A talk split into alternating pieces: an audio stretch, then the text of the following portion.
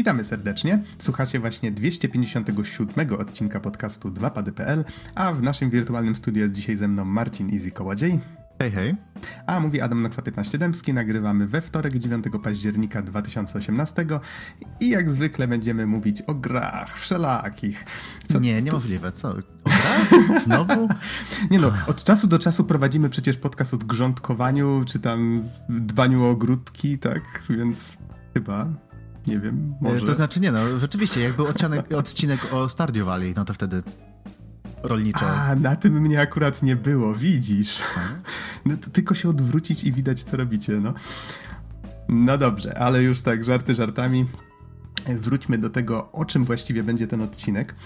A mamy tak, już tutaj patrzę, żeby się nie pomylić, dwie recenzje dla Was przygotowaliśmy i będzie to recenzja Front Mission 3, która prawdopodobnie trafi na okładkę i e, te recenzje nagrałem razem z surferem, natomiast mamy jeszcze recenzję Blast Blue Cross Tag Battle, którą przygotował dla Was Easy.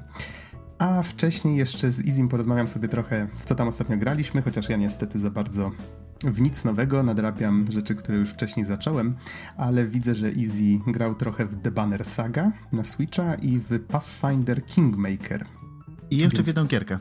Mhm, Przypomniałem sobie teraz, o której też mogę tam dwie minutki powiedzieć. O, gra niespodzianka. Dobra, spoko, spoko.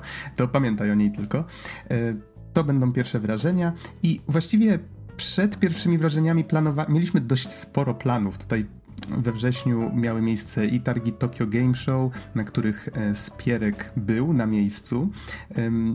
Tak samo braliśmy udział w dwóch koncertach. Surfer, ja i Easy byliśmy w Monachium na koncercie Kingdom Hearts który nazywa się Kingdom Hearts Orchestra World Tour, bo to cała seria koncertów.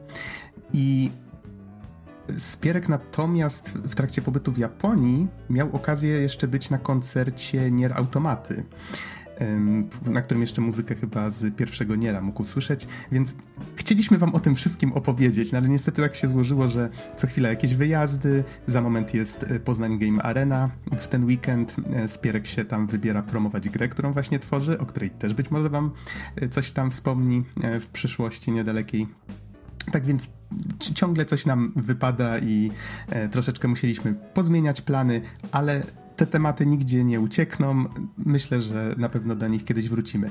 Tak samo Spider-Man, o którym mówiliśmy w poprzednim odcinku. E, czekamy tylko na dobry moment, żeby po prostu zebrać się w większej grupie, opowiedzieć o nim trochę więcej, ale jeżeli chcecie poznać moje i Spierka zdanie na, na temat gry, to w poprzednim odcinku nagraliśmy pierwsze wrażenia. E, okay. Pamiętajcie, mm -hmm. po mhm. prostu wielkiej recenzji towarzyszy wielka odpowiedzialność.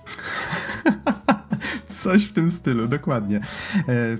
A propos wielkich recenzji, recenzja Front Mission 3 w tym odcinku jest dość pokaźnych rozmiarów, mm, ale cieszę się, że to kolejna retro recenzja, która się u nas na podcaście pojawiła. Przez długi czas nie mówiliśmy chyba o, o jakichś takich bardziej e, klasycznych, starszych tytułach. No tutaj mamy grę z pierwszego PlayStation, więc jeżeli ktoś miło wspomina tamte czasy, a może nawet nie grał nigdy, to, to myślę, że ta recenzja może go zainteresować. Okej, okay, nie przedłużając już dalej, Easy, oddaję Ci głos i nie wiem, od czego chcesz zacząć, czy od gry niespodzianki, czy może od Banner Sagi? Nie, no zacznę od początku, czyli The Banner Saga, która wyszła w sumie jakoś niedawno. To Już był... patrzę. E, to był... 25 września z zeszłego miesiąca? A, tak. To znaczy na Switchu, na Switchu Banner Saga na Switchu. wyszła 17 y, maja 2018. Nie, nie, nie. To jest, nie. Y, to jest na Jedynka. pewno wersja na Play, y, to znaczy to jest wersja cyfrowa, ale Aha. ja dorwałem The Banner Saga Trilogy, które wyszło właśnie chyba 25 września i czekałem na to, bo wiedziałem, że zaraz po premierze tam właśnie trzeciej części, że wszystko trafi na Switcha i że będzie fizyczne wydanie. E, na Playa 4 i na PC się pojawiło trochę wcześniej, ale teraz w końcu jest na Switcha i to, co mi się mega podoba, to to, że rzeczywiście wszystkie trzy gry są na jednym kartridżu. Nie, nie ma żadnego rozdrabniania się, nie ma żadnych download kodów, więc jeden kartridż jest wszystko, co mnie cieszy niemiłosiernie. I no, to jest już gra dosyć starsza, więc, więc tak tylko słowem wstępu. To jest... Właśnie tak widzę, może przypomnę, bo patrzę akurat na ciocię Wikipedię. 2014 to był rok premiery. E, tak, to w ogóle jedna z takich bardziej wysokoprofilowych gier indie, bym powiedział. Rzeczywiście, która się naprawdę świetnie sprzedała, e, jest genialnie zrealizowana. Nie? I po prostu warto w nią zagrać, więc jak najbardziej polecam teraz chwycić właśnie wersję na konsolę, na którąkolwiek, bo naprawdę warto. Szczególnie mhm. jeżeli ktoś lubi po pierwsze klimaty takie bardziej nordyckie, skandynawskie, e, takie właśnie wymieszanie trochę, trochę mitologii, jakieś e, olbrzymy, olbrzymy z rogami, e, nieumarli żołnierze, do tego jeszcze ludzie, konflikty na mroźnej północy. Jeżeli to są wasze klimaty, to jak najbardziej. I wszystko oczywiście w pięknej oprawie audiowizualnej, taktyczny RPG i, i, i, i, i wymieszany trochę z visual novelką, gdzie musimy czasem, często podejmować wybory, które później wpłyną na przykład na liczebność naszej ludności, bo poruszamy, taką, poruszamy się wielką karawaną, yy, tak naprawdę wędrujemy przez świat i poznajemy po prostu historię i wszystkie wydarzenia z perspektywy kilku bohaterów. To o tyle zabawne, że jak mówisz taktyczny RPG wymieszany z visual novelką, to od razu mi tutaj właśnie Front Mission mignęło przed oczyma. E, e no trochę tak. Klimaty tylko, zupełnie inne, ale... E, tylko wiesz co, powiem ci, że we Front Mission jest inaczej. The Banner Saga jest bardziej nastawiony na to, żeby rzeczywiście być visual novelką. Nie? Jest mniej map, mniej różnorodnych map, też postacie nie są aż tak różnorodne, w sensie same, same, same klasy postaci, ale za to jest duży nacisk na historię, na to, żeby te, rzeczywiście te wybory, które podejmujemy, wpływały na coś. A nie na zasadzie, mm -hmm. czy mhm. pójdziemy do sklepu, czy nie. Więcej w recenzji. Tak. Mm, I, chociaż, y chociaż tam też fabuła odgrywa bardzo ważną rolę, tak, żeby nie było. bardziej. Mhm. A y powiedz mi właśnie y, a propos Banner Sagi, to jest cała trylogia, tak jak wspomniałeś. Tak jest. Powiedz mi, za ile można taki zestaw dostać? Wiesz co, kupiłem go chyba na Ultimie za 160 zł. O, tak mi się wydaje, cena. że to nawet nie jest pełna cena. Y, mhm. Musiałbym, musiałbym sprawdzić to, ale tak jak mówię, spokojnie możecie na ultima.pl ultima zobaczyć i wydaje mi się, że to nie była y, pełna cena za, za taką grę AAA, więc to jest świetny deal i tak naprawdę każda z tych części to jest gra na co najmniej na co najmniej 10 godzin, więc powiedzmy, że 30-40 godzin gameplayu spokojnie macie w tej paczce. Mhm. I jeszcze żeby to, nie, żeby nie było, że polecamy tylko jeden sklep, możecie zobaczyć też w każdym innym sklepie. Albo wyszukać na cenę OPL porównywarce, co też zresztą często robię. Mhm, ale chciałeś coś dodać jeszcze. E, tak, chciałem dodać, że to, co mi się podoba w wersji Switchowej i co nie, niezbyt często niestety występuje w grach, które były portowane z, z innych platform, że mamy obsługę y, touchscreena i rzeczywiście to menu, które jest, które jest w Bannersadze jest dosyć wygodne właśnie nawet do, do ogarniania paluchami. I rzeczywiście działa, tak jak ostatnio jeszcze gram w Valkyrie Chronicles 4, o której wspominałem, y, o której wersji demo wspominałem, to tam rzeczywiście trochę mi tego brakuje. Często gram w trybie mobilnym i chciałbym rzeczywiście pomacać paluchami, tak żeby przeskrolować menu, ale się po prostu nie da. A tutaj Banner Saga wszystko idealnie śmiga. I wydaje mi się, że to nie jest dużo roboty z tak z perspektywy twórców, ale rzeczywiście jeżeli chodzi o takie quality of life, to, to jest bardzo na plus. Mhm. Ja, brzmi, brzmi, bardzo fajnie. Powiem ci, że ja od bardzo dawna tak patrzę ukradkiem na tą Banner Sagę. Właśnie przemknęła mi w momencie, jak, jak miała premierę i potem jakoś tak sobie obiecywałem, że kiedyś może do tego przesiądę. I powiedz mi, takie pytanie mi się zrodziło, czy faktycznie ta trylogia, ona zamyka pewną historię, czy to jeszcze nie jest całość? E, to znaczy, to już jest całość, z tego co mi wiadomo, bo szczerze mówiąc, właśnie też kiedyś tam przy premierze grałem w jedynce, w jedynkę i teraz stwierdziłem, że muszę w końcu nadgonić, bo tak jak z Hollow Knightem miałem, prawda, że też od czasów premiery strasznie odkładałem i okazało się być przegenialną grą. To teraz na podobnej zasadzie e, Banner Saga zakupiłem, e, ale tak rozmawiając ze znajomymi, ze znajomymi, to właśnie mówili, że to jest fajne podsumowanie całej historii, są rozwiązane wszystkie wątki i naprawdę końcówka jest bardzo satysfakcjonująca. O, brzmi bardzo fajnie. To może być nawet fajny moment, żeby faktycznie się zainteresować tą serią. Mm, powiedz mi, coś jeszcze chciałbyś dodać na temat Banner Sagi, czy lecimy dalej? Wiesz co, wydaje mi się, że już mogę przeskoczyć do e, Pathfinder Kingmaker, który wyszedł na PC-ta i tutaj dalej też nie znam daty premiery dokładnej. Już cię ratuję. To był 25 września tego roku. O, no, na no to... Windowsa, Maca, Linuxa. Yy, tak, to właśnie gram, w, gram w, na PC z systemem Windows i tak jak ludzie mówią, że gry RPG, nie inaczej, żeby było bardziej klikalny tytuł, że tak powiem. Ludzie mówią, że single player nie żyje. tak, co doskonale pokazuje wiele recenzji w, tak. naszym podcaście. E, ale nie, tak serio to e, niektórzy gracze, szczególnie ci, którzy mieli większą styczność z RPGami typu Dungeons and Dragons, czy e, szczególnie z Dungeons and Dragons trzecią edycją 3,5, będą wiedzieli, co to jest Pathfinder. Pathfinder jest tak jakby duchowym następcą Dedeków 3,5. Na zasadzie wzięli te same zasady, tam minimum wykroili, dodali coś nowego od siebie, trochę usprawnili. Co prawda, według mnie to dalej ten system RPGowy nie jest aż tak dobry jak Dungeons and Dragons 5 edycja, ale dalej jest właśnie masa, masa ludzi, którzy się tym jarają. I szczerze mówiąc, yy, gier, które by były oparte na dedekach późniejszych niż Advanced Dungeons, Dungeons and Dragons, które były tak jakby, yy, które były napędzane, którym to systemem yy, były napędzane Wrota Baldura i Icewind Dale, to właśnie na chipu były chyba tylko Neverwinter Nights 2, albo jedynka, dwójka i Świątynia Pierwotnego Zła. To tutaj mamy właśnie też podobny system, tylko y, tym razem już nie turowy, a powiedzmy takiego pół czasu rzeczywistego, jak w Baldurach, w sensie z aktywną pauzą. I to, co mogę powiedzieć o Kingmakerze, to na pewno to, że wygląda naprawdę bardzo fajnie. Mamy taki rzut y, plus minus izometryczny. Y, jak gramy w niego, to widać y, po pierwsze, że jest bardzo się twórcy przy, postarali, żeby zachować właśnie ten cały klimat, żeby odwzorować cały klimat z podręczników i to jest bardzo na plus. Wszystko i menusy są stylizowane i wszystkie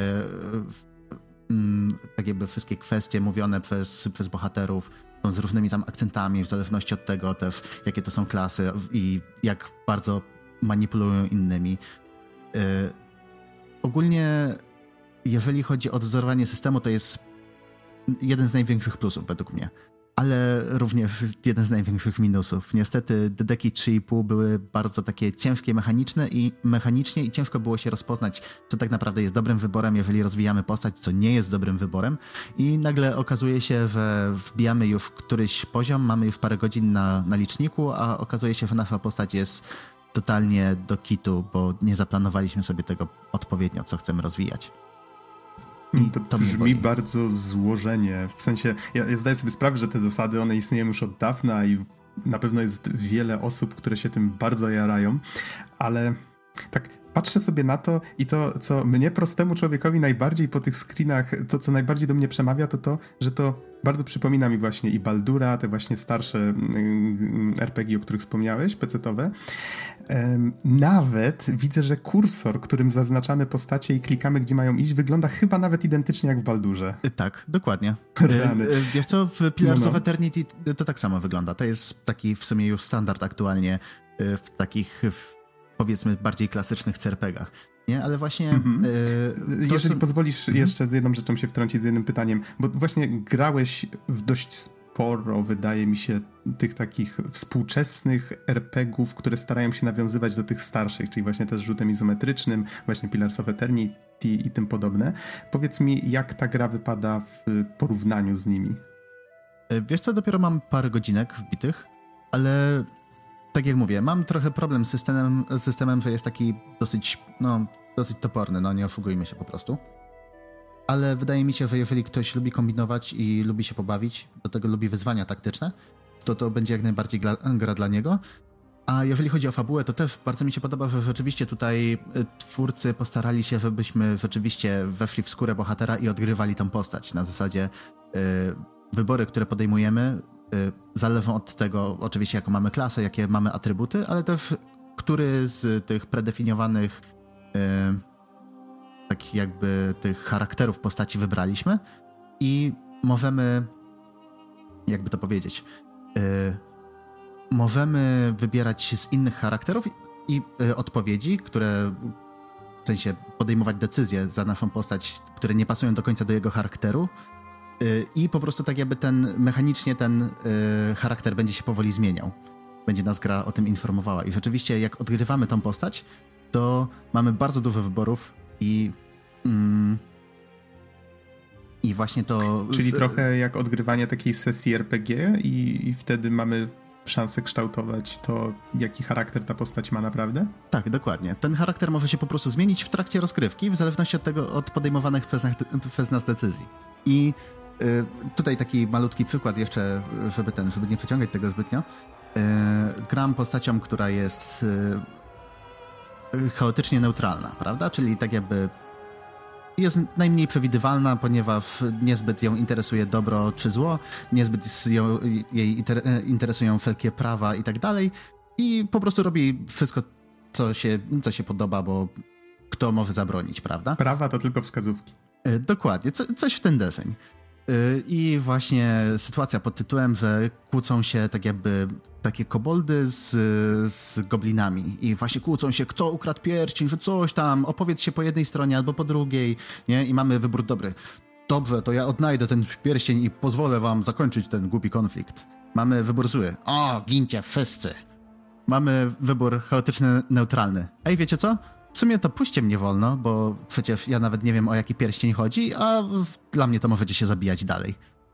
Nie? A gobliny się tak patrzą? Oczywiście, uciekaj, nie? I zaczynają się bić z tamtymi i my tylko sobie przechodzimy obok nich gwi gwiżdżąc pod nosem. I niech zgadnę, mogą się wybić między sobą i możesz zabrać im pierścień. Dokładnie, możesz go znaleźć. Tak. Nie? I właśnie to, to jest fajne, że y, postawiono bardzo duży yy, bardzo duży nacisk na, na samą warstwę narracyjną i na odgrywanie postaci i wydaje mi się, że im dalej w grę po prostu, e, im dłużej będę grał w grę, tym będzie więcej takich wyborów. Tym bardziej, że tak jakby cała historia się opiera na tym, że w pewnym momencie stajemy się baronami e, pewnych ziem i zarządzamy nimi po prostu. Od, stąd się wziął, wziął tytuł Kingmaker. A, okej. Okay. Pamiętam, że podobny motyw był w Baldurze dwójeczce, którego niestety nadal nie skończyłem. Ale może kiedyś, może kiedyś, tak sobie obiecuję już od N lat. Podob są plotki, że Baldur trójka powstaje. Tak, tak, tak, też, też słyszałem. Więc ciekaw jestem, co z tego wyjdzie, chociaż słyszałem też wiele głosów fanowskich, że jest to zupełnie niepotrzebne. No ale... Mm, to no znaczy całkiem możliwe, że zrobią kolejną grę, która będzie oparta na Dungeons Dragons 5.0 tym razem, i będzie w Fejrunie, czyli w tym całym, y, w Forgotten Realms, w tym całym świecie, w którym się dzieje Baldur, a historia będzie osobno już poza jedynką, dwójką i interquelem, który wyszedł, o którym niewiele ludzi pamięta. Y, mówisz o tym na konsolę? Yy, nie, nie, nie mówię o Dark Alliance, które zresztą było dobre i technologicznie było wyśmienite, ale mówię o Siege at the Dragon Spear, które wyszło chyba wydane przez In Exile Studios i jest tak jakby interquelem między jedynką a dwójką i co więcej, jest y, wydany na tym silniku całym, na y, Infinity Engine. Hmm.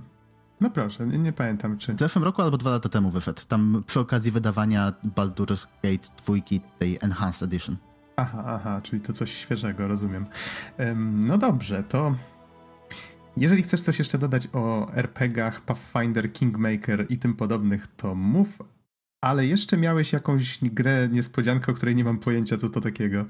E, tak, tutaj e, muszę podziękować e, przede wszystkim zaprzyjaźnionemu portalowi Innerworld, który załatwił mi kopię do recenzji od, od wydawcy i to jest gra... Wahałem się na początku, czy rzeczywiście wziąć ją do recenzji, czy, czy rzeczywiście ją w ogóle ogrywać, ale później coś tam pogrzebałem po internecie i stwierdziłem, że sumie to może być całkiem niezłe. I mówię o SNK Heroines Tag Team Frenzy. Eee, e?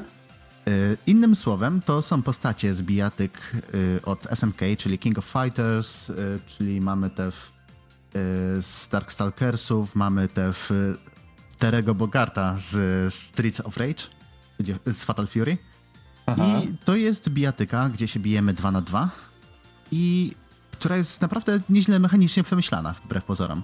W sensie, ona jest taka samoświadoma. Oni wiedzą, że wrzucili po prostu same laski do bijatyki. E, może od razu sprostowanie. Terry Bogart jest jednym z głównych bohaterów właśnie y, Fatal Fury, ale jako, że jeden z bossów w którejś części miał specjalny skill, który zamieniał przeciwnika w, w przeciwną płeć, to stwierdzili, Ech. że to jest kanon i wrzucili go. Ale... Jakbyśmy już mieli mało bo, bo, Bowsette, czy jak ona się tam nazywa? E, Bowset, no. Bowset, Buset i wszystkich innych Odmian. tych związanych z Super Crownem. Oh yeah. E, tak, ale tutaj... Yy... A myślałem, że ten temat nigdy się na podcaście nie pojawi, a tu zobacz, jak żeś mnie podszedł. No. Sam go poruszyłeś. Sam go poruszyłeś. Ja tylko mówiłem to, o To prawda, ale zarzu zarzuciłeś przynętę. Fapo bait. wróćmy do SNK Heroin Stack Team Frenzy. Już znalazłem na, na wiki nawet. E, tak, właśnie jeszcze mm. tryb fabularny muszę ograć. Nie spodziewam się zbyt wiele. Mam tylko nadzieję, że będzie chociaż trochę lepszy od, od Lace Blue Cross Tag Battle, ale o tym, o tym będzie.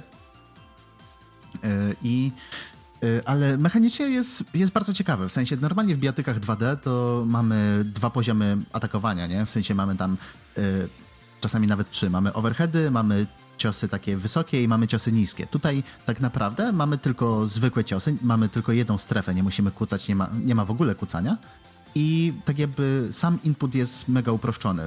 Wszyscy mają jakieś tam proste, proste pod kwadratem, specjalne umiejętności to jest kółko i strzałka, wymiana postaci też jest pod jednym przyciskiem i tak jakby cała rozgrywka jest bardzo dynamiczna, ale wbrew pozorom wtedy yy, tak jakby te, te wszelkie mix-upy, wszelkie takie kombinowanie i próby zwabienia przeciwnika w jakąś niepożądaną przez jego sytuację, czy wykorzystanie właśnie jakoś, jakieś, jakiegoś jego błędu, przenoszą się z czyste, czystego takiego wklepywania mechanicznie na właśnie bardziej rozkminy i i czytanie przeciwnika, prawda? Tak jakby przez to, że poruszamy się bardzo szybko, nie ma czegoś takiego jak dasze w bijatykach, jak w Street Fighterze, że klikamy dwa razy do przodu i wtedy rzeczywiście postać robi podwójny krok, ale przez chwilę musi się zatrzymać i możemy oberwać.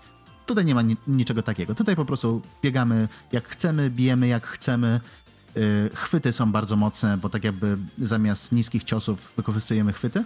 Tak jakby właśnie cała ta mechanika jest tak jakby stworzona, żeby spróbować od innej strony podejść do bijatyk 2D. I to mi się podoba, szczerze powiedziawszy. Właśnie teraz mam nadzieję w ten weekend trochę jeszcze ograć, yy, ograć z różnymi znajomymi. Też Nox wtedy zobaczysz tą piękną grę i bijatykę. Okej. Okay. I piękne yy, bohaterki. Yy, I... Chyba. Właśnie dalej nie wiem, czy jestem w stanie to polecić z czystym sercem. Jeżeli ktoś po prostu lubi bijatyki, które są które są mega kolorowe. Jest masa jakichś takich upawych efektów, y, jakieś pompony, gwizdki, jakieś najróżniejsze dziwne rzeczy, które latają po ekranie, to będzie dla niego tak naprawdę. I cycki, A... jak rozumiem. To było w domyśle, nie musiałeś tego mówić, naprawdę. Przepraszam. No, ale najlepsza waifu Terry Bogart, pamiętaj.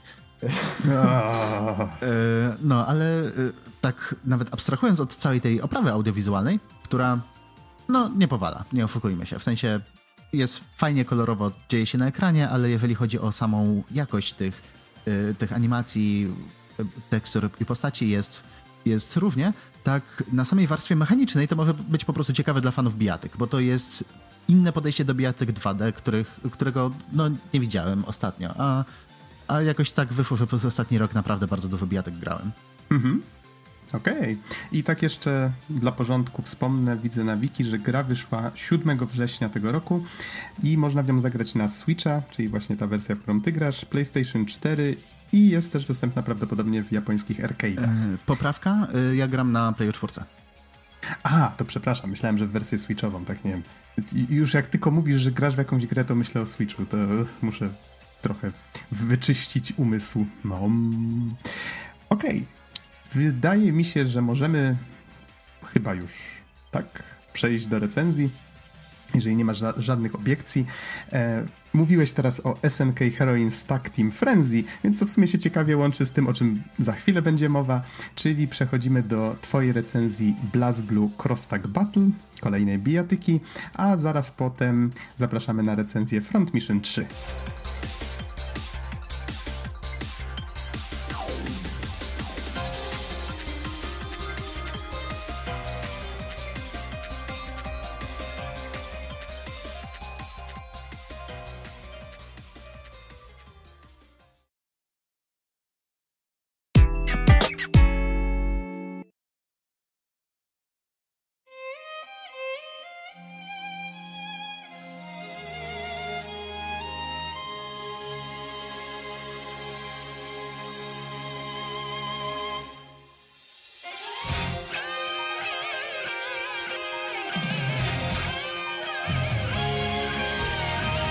wirtualnym studiu jest teraz ze mną Marcin Easy Kołodziej.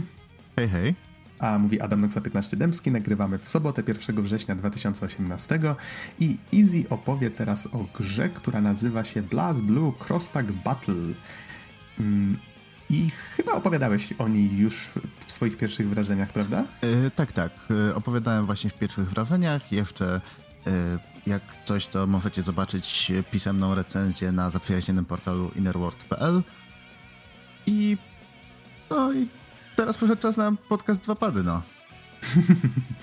Okej, okay. powiedz mi, czy chcesz przedstawić em, wikipedyczne informacje, czy ja mam to zrobić? Pewnie, jak najbardziej, tym bardziej, że tutaj wchodzi jeszcze parę takich dodatkowych informacji. Mm-hmm. E, przede wszystkim e, Blast Blue Cross Tag Battle jest, zostało stworzone przez Arc System Works, które jest za, zarówno e, twórcą, jak i wydawcą. To prawda, w Europie ich gry publikuje P-Cube,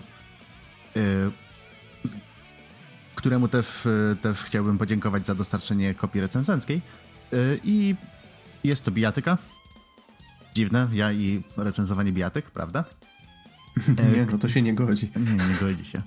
Wyszła na PlayStation 4, Nintendo Switcha oraz PC Windowsowe. Ogrywałem wersję na PlayStation 4. Miała premierę 22 czerwca 2018 roku i to jest premiera europejska. Ponieważ w Japonii wyszło coś koło 31 maja i chyba dwa tygodnie wcześniej, e, w sensie dwa tygodnie przed premierą europejską wyszło w Ameryce. I Czyli tak naprawdę... I tak widzę, że poszczególne rejony nie musiały czekać zbyt długo. Yy, niby tak, chociaż to i to tak całkiem sporo wbrew pozorom, nie? W sensie w ciągu dwóch tygodni można naprawdę mocno ogarnąć systemy i to tak... Yy, trochę szkoda, że nie ujednolicili daty premiery, ale prawdopodobnie się nie dogadali wdawcy i, i w ogóle. I tak naprawdę y, Blast Blue Cross Tag Battle chyba zostało pierwszy raz przedstawione na EVO w zeszłym roku, w sensie na tym największym turnieju bijatyk na świecie.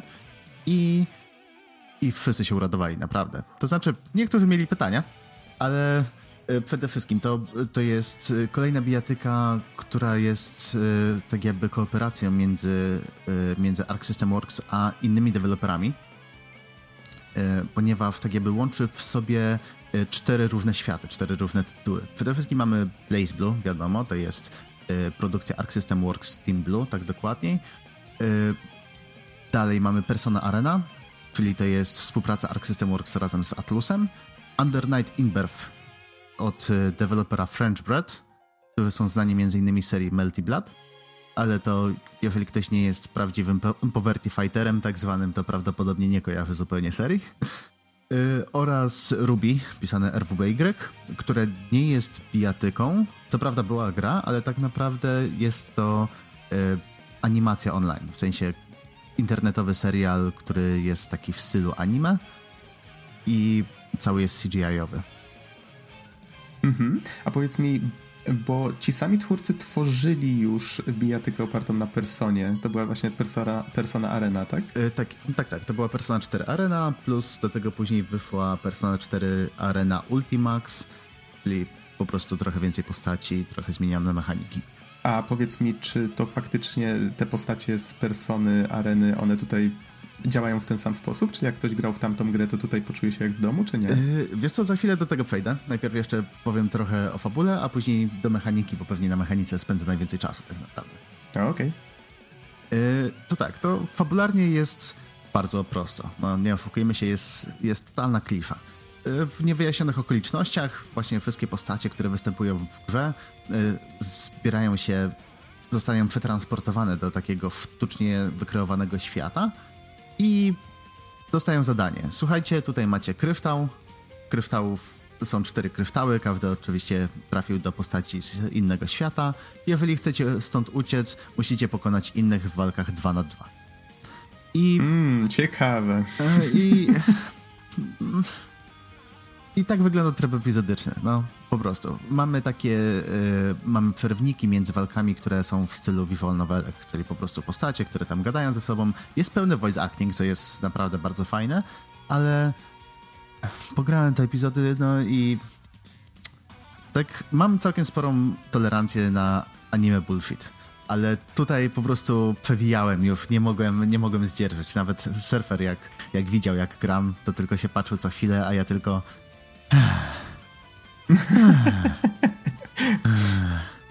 No, ciężko, ale nie po to gra się w bijatyki, prawda? Okej, okay, y czyli rozumiem, dla fabuły zupełnie nie ma co podchodzić do trybu zupełnie, popularnego. totalnie. Mówię, jest ten tryb epizodyczny, który ma prolog, epilog i, i cztery rozdziały. Każdy rozdział to, to, yy, to jeden świat, prawda? I ewentualnie, jeżeli ktoś jest po prostu zaciekawiony i chce po prostu obczaić sobie niektóre postacie tak na bardzo szybko, to tryb epizodyczny może jeszcze, może go jeszcze zadowolić, ale... A to, takie jedno pytanie jeszcze z tym związane. Czy mhm. interakcje między tymi postaciami są chociaż zabawne, czyli w sensie z dwóch różnych światów, czy to raczej też jest zrobione tak na siłę i cringe total?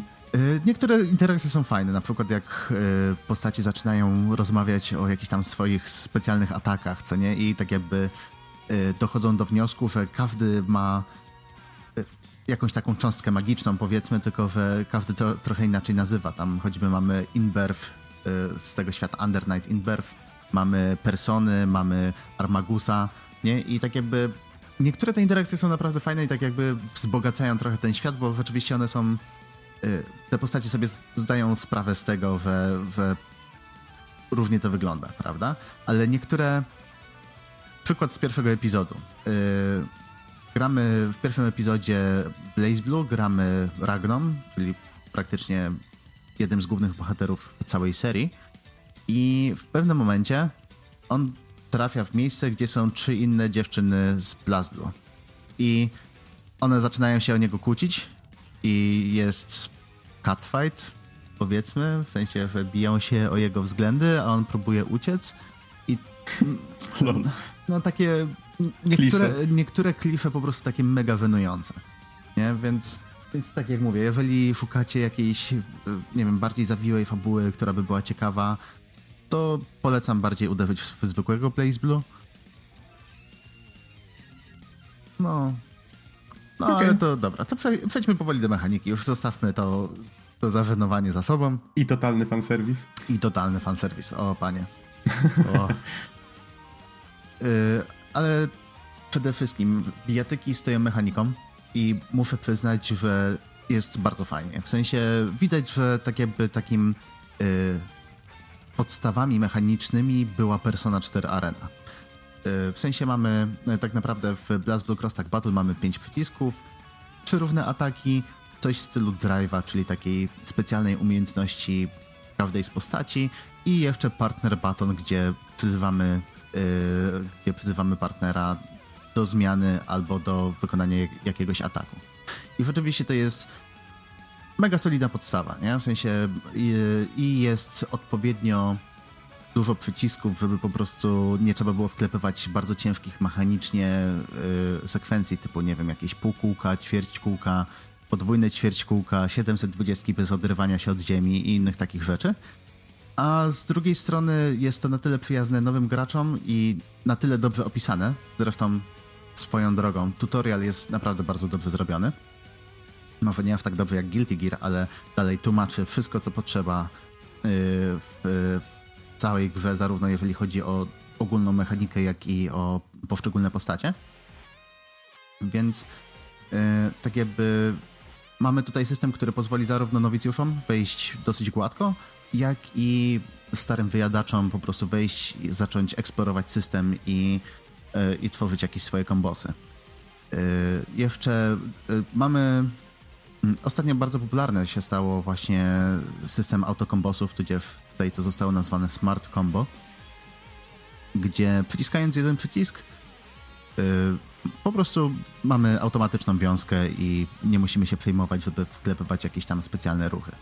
Co prawda, e, tutaj jest to rozwiązane tak, że niektóre ciosy po prostu są dostępne tylko jako część komba. Nie możemy ich wyprowadzić osobno, e, co może niektórym przeszkadzać, szczególnie tym, którzy wcześniej grali w Blazblue.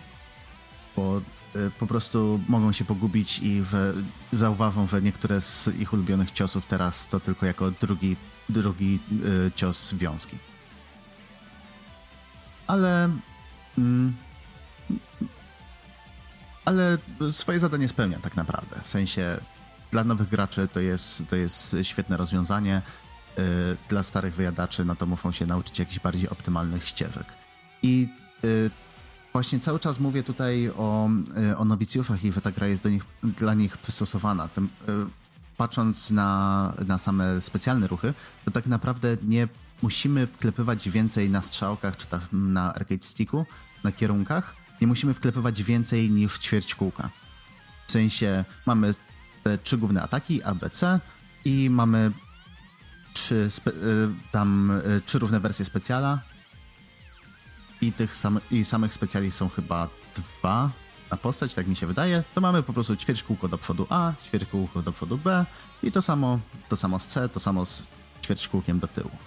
Więc yy, to nie jest Street Fighter, gdzie mamy musimy się wstrzelić w trzy klatki animacji, żeby, żeby kontynuować combo. To nie jest nie wiem, Guilty Gear, który wymaga od nas naprawdę bardzo, yy, bardzo dużo klepania, bardzo skomplikowanych sekwencji. Yy, wiesz co, Tekken, y, jeżeli chodzi o samą mechanikę, to Tekken jest bardzo wybaczający. W sensie ma całkiem szeroki bufor, plus do tego nie ma czegoś takiego, że trzeba się naprawdę mega wstrzelić. Y, główna, główny problem z Tekkenem to znaczy. To jest granie z wami, czyli z surferem i z Izim. Oj tam, oj tam, no. Nie moja wina, że jesteś słaby w Tekena. Hmm. Ale y, tak jak mówię, w Tekenie tak naprawdę y, największą trudność sprawia zapamiętanie tych wszystkich ciosów, sekwencji i kiedy one są przydatne, a kiedy nie. Tutaj ciosów mamy mało i też nie ma zbyt wysokiej bariery mechanicznej. Y, I to, na co trzeba uważać przede wszystkim w Blast Blue Cross Tag Battle, to są zasoby. W sensie, każda bijatyka ma jakiś rodzaj zasobów, oczywiście oprócz hapsów. Tutaj mamy paski, które odpowiadają za odpalanie speciali. Mamy dodatkowy pasek, który służy do przyzywania partnera, tudzież zmiany. Oraz jeszcze mamy taki specjalny licznik. Jeżeli odpowiednio dużo razy przyzwiemy naszego partnera podczas, podczas walki i trafimy właśnie przeciwnika, to wtedy nabijają się kolejne poziomy. Co jest ważne, jak jedna z naszych postaci właśnie zginie, to im bardziej mamy naładowany ten, ten pasek, tym lepszego później boosta możemy dostać tam chyba na 15 sekund.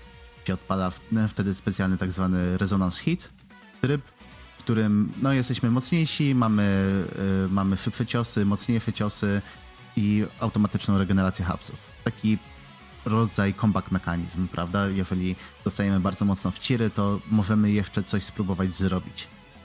I to jest takie trochę wymieszanie y, tego systemu z, z, z Dragon Balla nowego.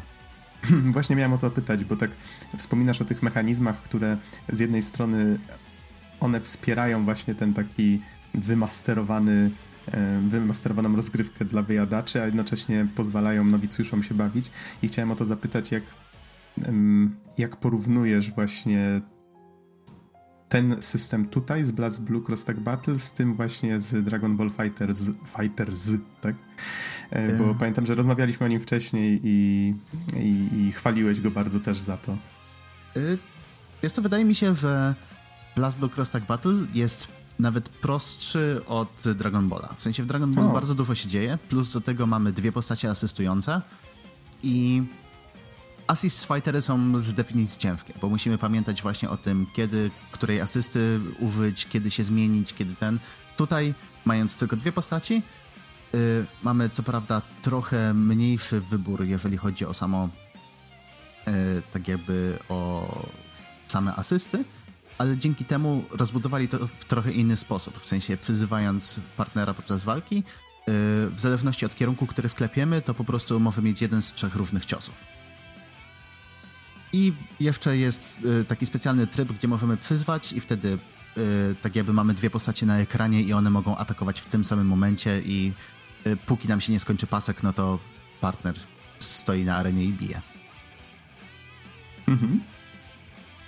Mm, Okej, okay. a powiedz mi, czy jeszcze coś jest um, na temat mechaniki, co, o czym chciałbyś opowiedzieć? Czy może przechodzimy do oprawy? Yy, wiesz co, myślę, że jeżeli chodzi o samą mechanikę, to warto jeszcze wspomnieć o tym, że walki są ultra szybkie, nie? W sensie są naprawdę takie, że mrugniesz i możesz po prostu dostać w ciry, albo nawet, albo kogoś ubić, nawet nie orientując się, kiedy to zrobiłeś. y, tak jak, Brzmi fajnie. Y, to jest z jednej strony fajne, bo dzięki temu możemy rozegrać dużo walk i rzeczywiście y, nie ma tych one finger death punch, nie? gdzie po prostu jednym kombem zabijamy przeciwnika od razu, ale tak czy siak obrażenia, które zadajemy są dosyć duże i wystarczy chwila nieuwagi, żeby, żeby po prostu stracić jedną z postaci. W Dragon Ballu to trwa zdecydowanie dłużej i wydaje mi się, że to może odstraszyć niektórych graczy na samym początku, tym bardziej grając po necie, gdzie y, osobiście właśnie w dzień premiery odpaliłem chyba tego Blast Blue. Albo nie, jakoś chwilę po premierze, parę dni po premierze i w, wbiłem do online nowego lobby.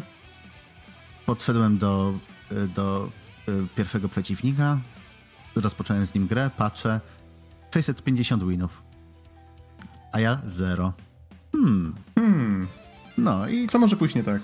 Trochę dostałem, trochę bardzo, ale, yy, ale na pewno to, co wyciągnąłem z, z grania online, to to, że Arc System Works skorzystało ze swojego netcode'u, który jest fantastyczny. Jest najlepszy na świecie, yy, ponieważ praktycznie zerowe opóźnienia. Nieważne z kim bym nie grał, to nie miałem praktycznie żadnych opóźnień. Tam, nie wiem, rzędu paru klatek. To są naprawdę minimalne opóźnienia, patrząc na, czy to tam yy, na Tekena przede, przede wszystkim, jak się patrzy, to tam jest masakra lekka. Yy, I nawet pomimo tego, że grałem z kolesiami, którzy mieli 2 na 5, w sensie dwa paski z pięciu, jeżeli chodzi o, o połączenie, to tak czy siak grało się tak, jakbym siedział zaraz obok na, je, na jednej konsoli. Więc yy, jeżeli chcecie pograć ze znajomymi po necie, super, super rozwiązanie. Mhm, to, to brzmi bardzo fajnie, bo moje doświadczenia z bijatykami w sieci są takie, że strasznie długo muszę z reguły czekać, może to jest coś z moim netem, e, strasznie długo muszę czekać na kolejne mecze. Powiedz mi, jak było tutaj? Wiesz co, to znaczy tutaj jest taki trochę inny system, w sensie tak jak w Tekkenie czy w Street Fighterze, jeżeli chcemy pograć online, y, nie wiem, rozgrywki rankingowe, y, to mamy coś takiego, że po prostu wchodzimy do treningu i po prostu czekamy, jak się ktoś podłączy. I to chwilę trwa, szczególnie na tam niskich ligach, bo po prostu przeważnie jak ktoś wyjdzie z tej niskiej ligi, no to wtedy już gdzieś tam śmiga na wysokich i, i robi się pusto. Nie? Czyli Ale... może to trwać powiedzmy minutę czekania na kogoś? Yy, tak, może. Oj, to, ale, to, to, jest niestety to. Hmm. Ale jeżeli nie chcesz grać rankingowo, a chcesz pograć yy, po prostu player mecze, yy, to tutaj mamy y, taki system znany już tam z Guilty Geara czy Dragon Balla właśnie, y, jeżeli, jeżeli chodzi o online. I od razu wspomnę o, o prawie. Tutaj w menu tak naprawdę Y, możemy albo po prostu przyciskami przechodzić przez kolejne, przez kolejne menusy i się nie przejmować, albo możemy biegać sobie swoim awatarem, w sensie y, za walutę wewnątrz gry, którą tam zdobywamy za jakieś wyzwania, y, za, za po prostu granie. Możemy kupić sobie chibi awatar jednej z postaci z, z właśnie z Blast Blue Cross Battle i będziemy nią biegać po trójwymiarowej arenie i zagadując po prostu do różnych NPC-ów, tak jakby będziemy mieli kolejne menusy. I to też się przenosi na lobby online. Mamy e, player lobby, aktualnie chyba jest ich 16, każdy ma po 64 miejsca i to wygląda tak, że wbijamy do środka, a tam są automaty rozstawione, yy, tak jakby takie specjalne platformy, do których podchodzimy, stajemy na niej, wciskamy przycisk i wtedy jesteśmy gotowi do walki. Jeżeli podejdzie wtedy jakiś inny gracz, który jest po drugiej stronie internetu, podchodzi do pola obok, wciska przycisk, zaczyna się walka. I praktycznie zerowe loadingi nie? Sytuacja bardzo podobna jak w Guilty Gear, że dosłownie sam loading to jest parę sekund, najwięcej czasu chyba zajmuje tak jakby taki ekran wejściowy do, y, do walki, gdzie możemy sobie wybrać jeszcze, którą postacią chcemy zacząć. Bo wybieramy dwie postacie i możemy albo jedną, albo drugą y, rozpocząć walkę.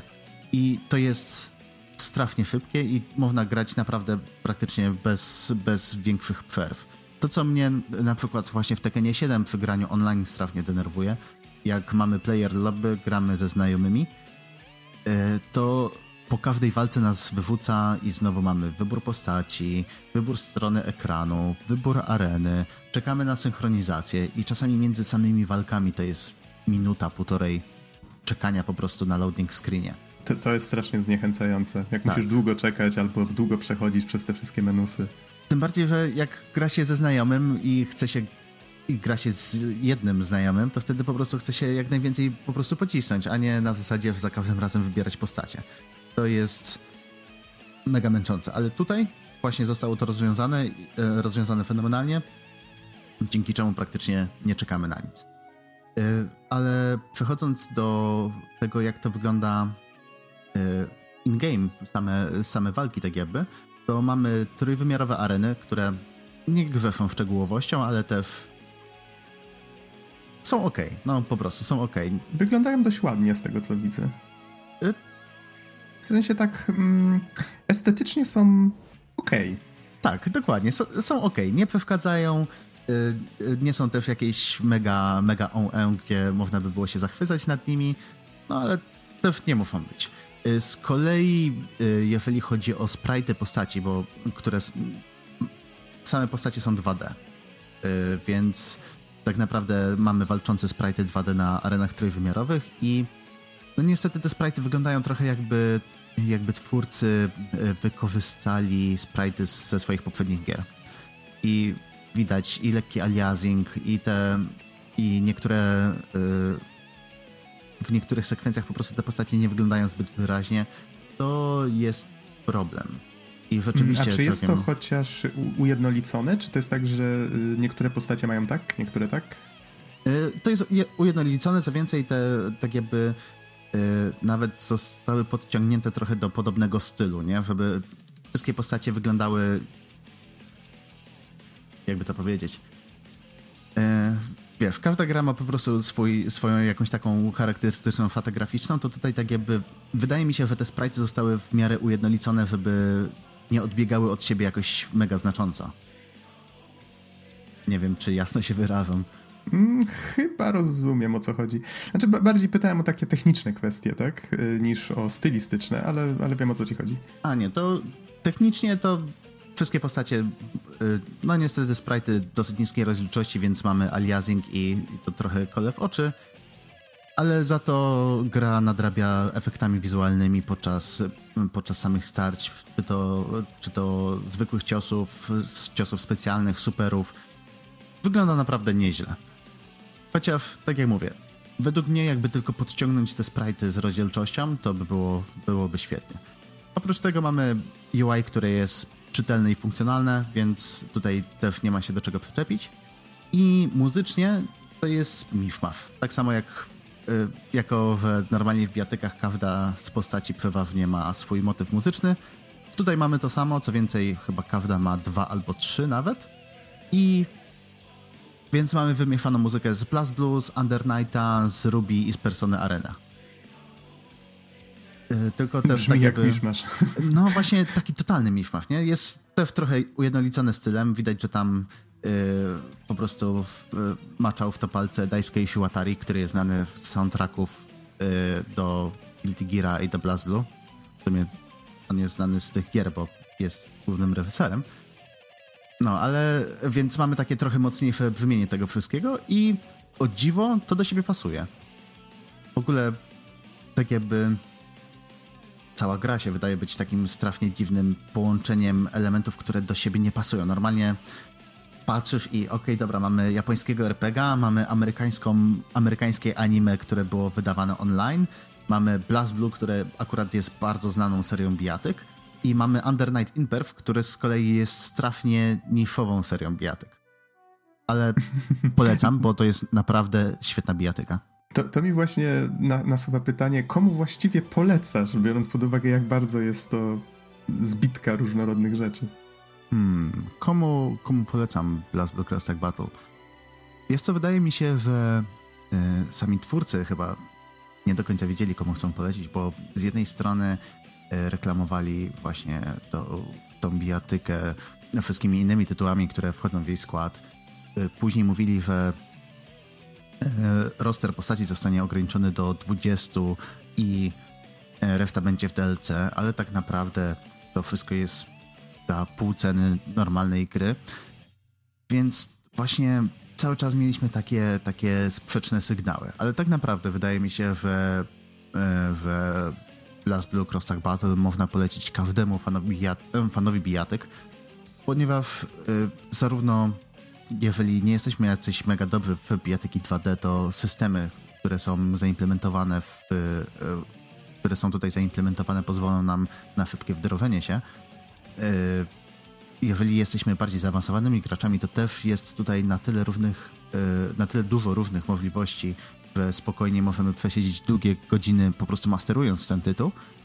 No, a do tego być może dla niektórych to będzie dobra okazja, żeby poznać właśnie postacie z, z reszty tych serii i być może kiedyś przeskoczyć na większe, powiedzmy takie bardziej profesjonalne bijatyki.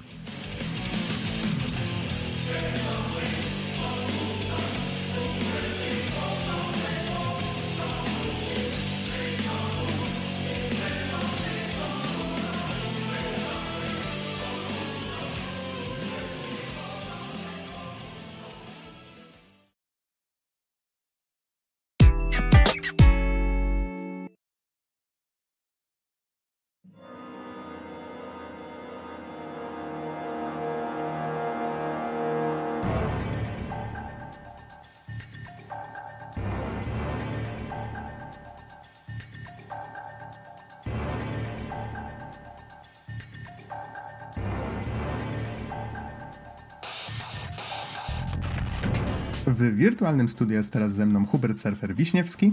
Dobry wieczór. A mówi Adam Naksa 15 Dębski. Nagrywamy w środę 26 września 2018 i będziemy teraz rozmawiać o Front Mission 3, czyli robimy taką e, znowu podróż w przeszłość, cofamy się do roku 1999, czy właściwie 2000 w przypadku Europy, bo Gra ukazała się co prawda w 99 w Japonii, ale dopiero w 2000 trafiła do Stanów i do nas. I myślę, że sporo osób może tę serię kojarzyć. W tej chwili ona już tak pi razy drzwi można powiedzieć, że jest w takim stanie uśpienia. Ciężko powiedzieć, że była martwa, bo trwają prace nad grą, która się nazywa y, Left Alive i ona co prawda nie ma tego front mission w tytule, ale jakby ten świat Front Mission jest wspólny i um, no, jakby założenia trochę tego Left Alive opuściły korzenie serii, ale to za chwilę myślę jeszcze będziemy o tym rozmawiać.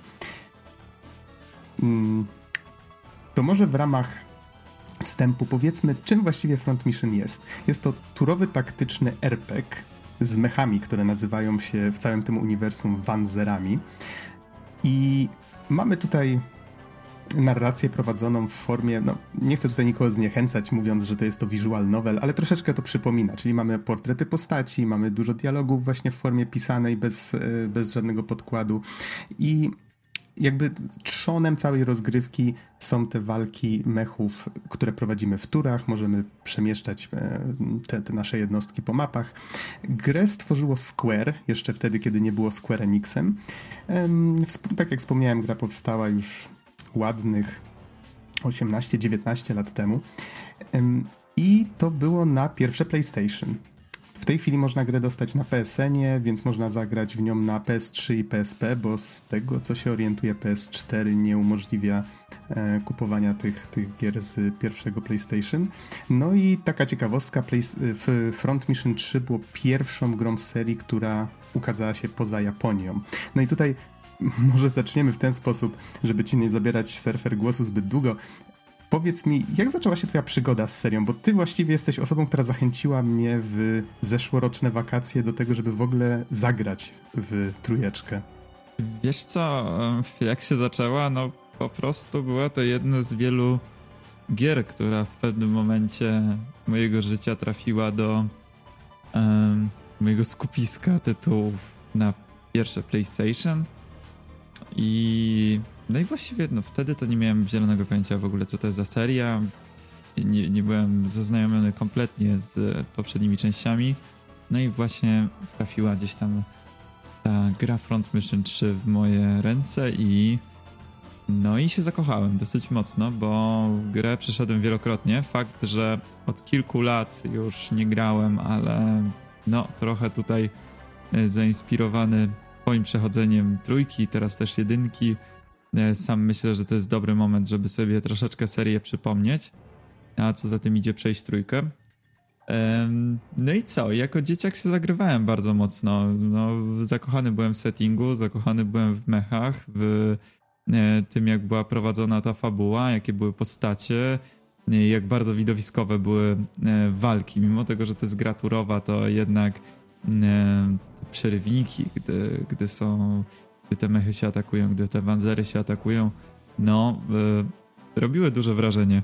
I z jednej strony, tak jak już mm, będziemy na pewno też o tym mówić, o stronie technicznej, że no e, troszeczkę kulała i to biedne PlayStation 1 było zażynane przez tę grę e, momentami, gdzie framerate spadał bardzo mocno, ale to też dawało taki efekt, że o kurczę, nie wiem, ten strzał z shotguna jest tak mocny, że rozwalił trzy części przeciwnikowi i jeszcze zarżnął moje PlayStation po drodze, więc e, wiesz, jako dzieciak byłem zakochany kompletnie, więc w nocy sobie Y, myślałem o tym, jakiego chciałbym mieć mecha i w ogóle z jakich części zbudowanego i tak dalej, i tak dalej, więc y, mm, w ogóle taki setting tych robotów, które kiedyś o tym rozmawialiśmy właśnie, takich robotów, które są wykorzystywane do takiej brudnej roboty, czy to wojskowej, czy w jakimś tam przemyśle, zawsze mi się wydawał taki fajny, dużo fajniejszy niż te niż ten setting z mechami latającymi w kosmosie, strzelającymi laserami i tak dalej, i tak dalej. I tutaj właśnie mi się podobało, że co by było, gdyby mm, nasza, nasz rozwój taki właśnie w kwestii wojskowości poszedł no, w taki trochę jednak chyba mało logiczny kierunek tych robotów, no bo jednak to i ciężko, i, i, i ciężko by było to utrzymać i, i, łatwo by było to przewrócić i tak dalej, no, ale wiesz, no jakoś tam e, na moją e, wyobraźnię to mocno działało, że co by było, gdyby to poszło w takim kierunku i jakby wyglądały tego typu walki mm -hmm. i tak mhm. dalej, no i i tak się to zaczęło. Później kolejne części, mm -hmm. ty zacząłeś troszeczkę, znaczy zacząłeś w podobnym punkcie, tak jak ja, bo zacząłeś też od Front Mission 3, ale wróciłeś do poprzednich i o tym na pewno też e, e, chwilkę porozmawiamy pod koniec, bo no bo ja, ja całej serii też nie znam, więc też, też będę co nieco poznawał. Mhm. Tutaj fajnie, że poruszyłeś temat tego, jaki to jest setting, w sensie, że te roboty faktycznie należą do takiego trochę gatunku, e, to się bodajże nazywało chyba Real Robot. Um, no tutaj mo mogę przekręcić, ale to jest właśnie w ten sposób, że te roboty kroczące, te wanzery, jak one się tutaj nazywają, co chyba wzięło się od y, jakiegoś nie zlepku niemieckich słów od kroczący czołg, ale nie jestem pewien, aż tak dokładnie nie pamiętam. Zawsze myślałem, że to się wzięło od Panzera, ale co, co, widać, że... Co, coś takiego, co, być może tak, że, że chodzi o ochodzący pojazd pancerny, coś w tym rodzaju. Um, ale szczegółów nie pamiętam, więc możliwe, że coś mocno przekręciłem. Wiesz, panzer to znaczy armor, yy, czyli yy, albo, albo tank, czyli, yy, czyli właśnie czołg. Więc wydaje mi się, że chyba to była taka troszeczkę gra słów trochę przekręcony słowo panzer. Przynajmniej ja to zawsze tak odbierałem. Mhm. Okej. Okay. Jak chcesz, możesz teraz poszukać czegoś, może zaraz znajdziesz w sieci na ten temat, a ja troszkę rozwinę może właśnie temat tego settingu. Tak jak wspomniałeś, nie mamy tutaj żadnych fantastycznych gigarobotów czy latania w kosmosie. Faktycznie są to po prostu maszyny bojowe.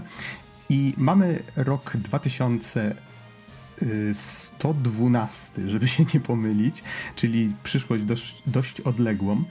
I żeby trochę przedstawić postacie, bo ta gra właściwie stoi postaciami. Mamy tutaj setting, mamy tutaj pewne granice, które zostały wyznaczone mm, w naszym świecie, tak? Mamy tutaj e, teoretycznie i, i kontynenty, i kraje, które znamy, tylko że one się pozrzeszały w jakieś tam e, konkretne e, skupiska. Powiedzmy, że mm, pamiętam, że bodajże to były strony znane jako OCU, USN, tak, tak, takie nazwy trochę różniące się od tego, co mamy w tej chwili. Niemniej jakby cała intryga kręci się wokół postaci. Albo może inaczej. Może zacznijmy w ten sposób, że głównymi bohaterami tej historii e, są można powiedzieć, że dwie osoby. Jest to Kazuki Takemura, jest to taki energiczny młodzian, który właściwie wręcz wyrwał się e, z takiego sztampowego anime z lat 90., można by powiedzieć. E, łatwo traci głowę w taki sposób, że jest porywczy, jak coś go wkurza, to zaczyna krzyczeć, tak? Ale ma złote serduszko w środku i, i, i tak dalej. Ma kumpla, który jest kobieciarzem, żartownisiem, zawadiaką, który się nazywa Ryogo Kusama. No i oni pracują jako e, piloci testowi nowych Wanzerów. No, do tego jeszcze Kazuki ma siostrę, która nazywa się Aliza i mm, jak to w Japonii jest to takie bardzo typowe. Ryogo już na początku e, gry stwierdza tak bezceremonialnie, że przecież Aliza nie jest jego rodzoną siostrą, więc wink, wink, wink, tak? E, no tak, jest to dość japońskie. Niemniej e, powiedzmy, że nie jest to najważniejsza rzecz przy tej historii nasi bohaterowie w pewnym momencie muszą dostarczyć nowe modele Wanzerów do bazy e, wojskowej, w której pracuje Aliza. No i są świadkami silnej eksplozji, która, do której tam dochodzi. I właściwie no, dzieje się tam troszeczkę jeszcze dookoła tego, ale w pewnym momencie poznają kobietę, która nazywa się Emma i pomagają jej wkraść się do tej bazy, żeby pomóc jej dowiedzieć, co się tam stało. Więc właściwie wpuszczają szpiega, być może z jakiegoś innego kraju do bazy swojego państwa, tak? No takie wait, what? co się właściwie stało? Um, Niemniej w tej historii jest sporo takich głupstewek, ale umówmy się, że gdyby do takich rzeczy tam nie dochodziło, to nie byłoby to wszystko takie miejscami emocjonujące i ciekawe. Um, to, co się w tej bazie później dzieje, to może tutaj nie będę dokładnie mówił. Niemniej coś idzie bardzo nie tak. Siostra bohatera znika. Same postacie, właśnie, czyli, czyli Kazuki, Ryogo i Emma e, stają się ściganymi, muszą opuścić kraj, uciekać z Japonii. No i wszystko przeradza się w taką intrygę z bronią masowego rażenia w tle. Bohaterowie podróżują po Dalekim Wschodzie próbują mm, nie pozwolić na to, żeby ta broń masowego rażenia, która tutaj nazywa się Midas, wpadła w niepowołane ręce. No i to jest właściwie taki zalążek całej fabuły. I nie, nie wiem, czy Surfer, czy chcesz coś jeszcze dodać na ten temat? Ej, nie, nie chcę dodać. Znaczy, pamiętam, że jak przechodziłeś koło mnie akurat ten wstęp, to tak się trochę łapałeś za głowę, że o Boże, co tu się dzieje i, i że te postacie są takie mm, japońskie, ale japońskie w stylu lat 90., czyli mm, dla niektórych być może jeszcze cięższe do mm, strawienia, szczególnie główny bohater. Ale wydaje mi się, że może nie każda, ale większość z postaci jednak ma coś do zaoferowania i, i są całkiem fajne. Szczególnie lubię Ryogo, który jest takim zawadiaką i kobieciarzem i e, wali takimi fantastycznymi one-linerami i przy okazji jest rewelacyjny w walce, więc e, zawsze tutaj mm, powiedzmy, że w tych scenkach fabularnych to, to napięcie trochę rozładowuje. No, ale to, co jest bardzo ważne, to to, że są dwie ścieżki fabuły.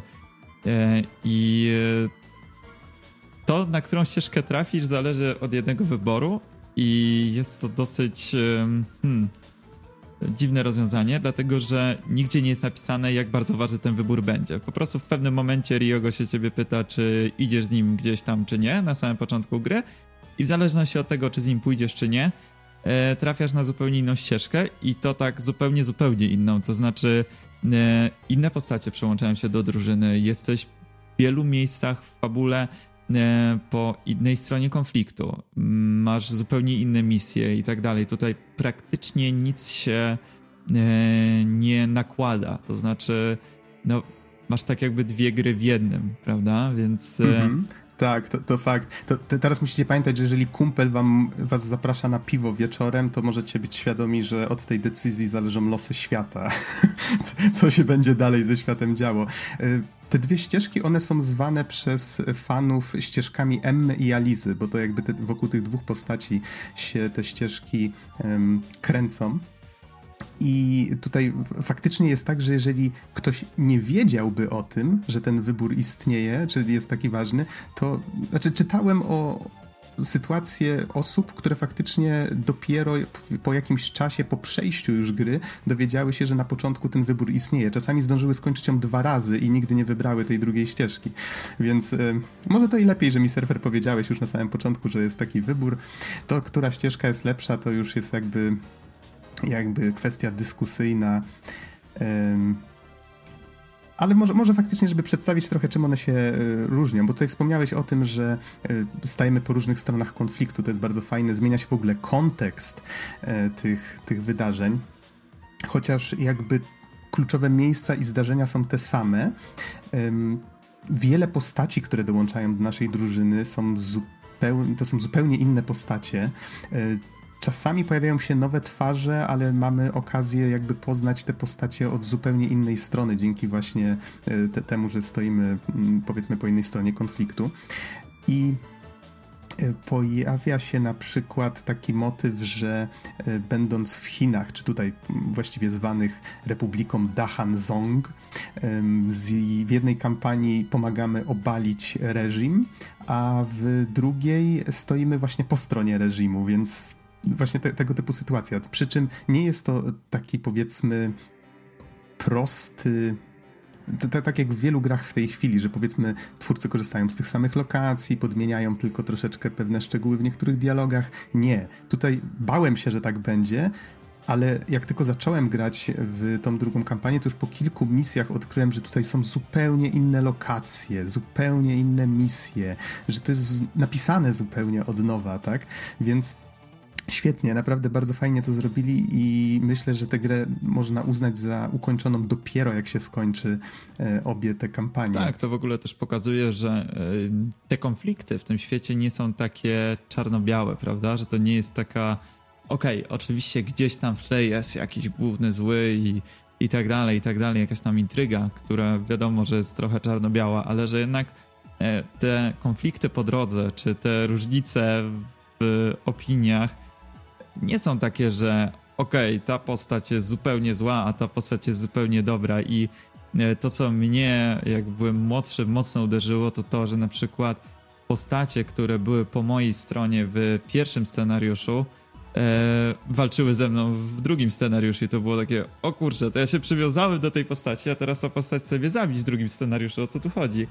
E, I, I to naprawdę daje fajny efekt, to jest naprawdę fajnie, fajnie rozwiązane, no i de facto wydłuża to grę prawie dwukrotnie. Tutaj e, napisałeś, że e, tobie to zajęło 40 e, godzin przejście scenariusz Emmy i 30 Alice. Z tego co pamiętam, mi Emma zajmowała przeważnie około 30 godzin. Alisa chyba troszeczkę mniej, ale też jakoś podobnie. No więc jakby nie patrzeć, kilkadziesiąt godzin mówię, też takiego gameplayu nie wrzuconego na siłę, nie na zasadzie, że nie wiem, ta sama mapa i po prostu zaczynasz z drugiej strony, czy coś takiego, tylko to jest... Chociaż też zdarza się taka ale, sytuacja czasami. Ale rzadko kiedy, mhm. jednak raczej standard jest taki, że pierwsze, no, cała fabuła jest prowadzona inaczej, są inne postacie, e, nawet są inne części Wanzerów. Nie wiem, czy zwróciłeś na to uwagę, ale niektóre części są niedostępne. Nie. Więc na przykład, z tego co pamiętam, najlepsza wyrzutnia rakiet w grze jest tylko i wyłącznie w scenariuszu Alice. Nie ma jej w scenariuszu Emmy i są niektóre bronie czy, czy części mechów, które się nie pojawiają w jednym bądź drugim scenariuszu, więc no mówię, to, to warto zagrać na pewno w jedno i drugie, bo mm, no bo to dopiero, dopiero wtedy dopełnia całej tej historii. Mhm. O, ale to fajne, z tymi częściami to nie zwróciłem na to uwagi. Za to y, trochę inne rzeczy zwróciły mi się w oczy, natomiast y, to takie jak na przykład, że ścież, ścieżka Alizy wydała mi się bardziej liniowa, jest też krótsza, y, tak no kilka, może do dziesięciu misji mam wrażenie.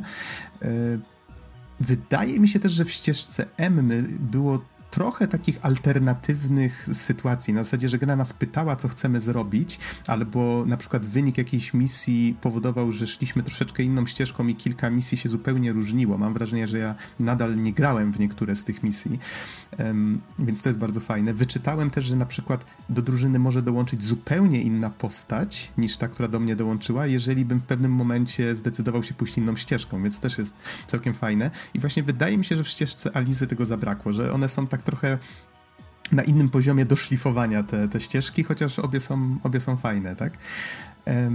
A, no i myślę, że też, że twórcy trochę fajniej się bawili w przypadku e, Emmy, że w jej scenariuszu czasami jesteśmy częściej na przykład rozdzielani na dwie ekipy, czyli powiedzmy wybieramy sobie, że no, maksymalnie mamy 8 osób na przykład w drużynie i jest mowa, że cztery z nich muszą pójść tą doliną, a druga przeprowadzi atak z tamtej strony. No i wtedy na przykład w niektórych misjach bierzemy udział, jesteśmy skazani tylko na te cztery osoby, a w niektórych tylko właśnie na tamte, dopóki te zespoły znowu się nie połączą. I to ma tyle znaczenie, że na przykład jeżeli rozwijamy tylko dwie lub trzy osoby w zespole, to potem możemy się nagle obudzić z ręką w nocniku, bo ups, reszta nie radzi sobie tak dobrze, tak? Więc to jest całkiem fajne. No do tego mamy tutaj jakieś takie jeszcze drobiazgi, można by powiedzieć, głupstwa i głupstewka, o których już wspomniałem. I z takich, które pamiętam, to jest na przykład to, że e, w pewnym momencie bohaterowie stwierdzają, że cicho, musimy się skradać przez miasto. w tych wielkich, kroczących robotach, które robią głośne. Więc te, tego typu sytuacje. E, czasami miałem też wrażenie, że niektóre postacie, które dołączają do naszej drużyny, są zupełnie jakoś tak bez sensu ani celu dodane. Y, potem właściwie nic nie wnoszą, no ale to powiedzmy, że są takie jakby mm, odosobnione przypadki. Niemniej myślę, że można się łatwo przyzwyczaić do tych postaci. Wiele z nich jest naprawdę fajnych, właśnie tak jak tutaj już wcześniej wspomniałeś, i jakby one pchają e, chęć poznania ich dalszych losów e, i właśnie tę fabułę, więc to jest całkiem, całkiem fajne. Cała ta historia jest prowadzona właśnie z taką lekkością i z, naprawdę z przyjemnością ją śledziłem. Zaangażowałem się w pewnym momencie i ciężko było przestać, póki nie poznałem zakończenia. Okej, okay, wydaje mi się, że o fabule może tyle, już i tak bardzo długo o niej mówimy, więc skupmy się trochę na tym, jak cała gra wygląda mechanicznie. Yy, może też trochę w jaki sposób są mapy przedstawiane, czyli akcja właśnie w trakcie bitew bo wspomniałem o tym, że jakby rozmowy między misjami to są troszeczkę takie visual novelki, mamy też jakieś garaże, hangary, gdzie możemy usprawniać te mechy, ale jakby bitwa toczy się na takich nazwijmy to dioramach, na takich makietach. Przynajmniej tak to wygląda z perspektywy gracza, bo mamy taką kosteczkę terenu, na której widzimy albo domy, albo jakieś górskie przesmyki, klify, e, jakieś tamy, lasy, przeróżne. Naprawdę jest masa tych różnych terenów, czy to miejskich, przemysłowych, czy właśnie jakaś natura. Wygląda to bardzo fajnie.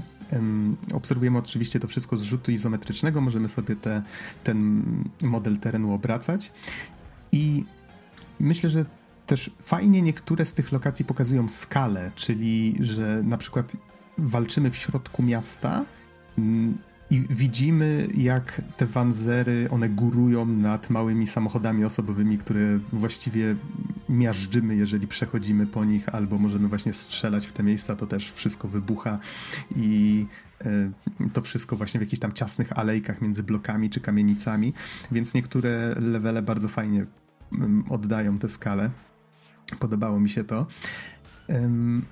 I z takich jeszcze innych rzeczy można by powiedzieć o tym, że na przykład kamera czasami robi zbliżenia, czasami wręcz pokazuje dwie rzeczy jednocześnie. To jest coś, co nawet dzisiaj się w sumie rzadko w grach wykorzystuje.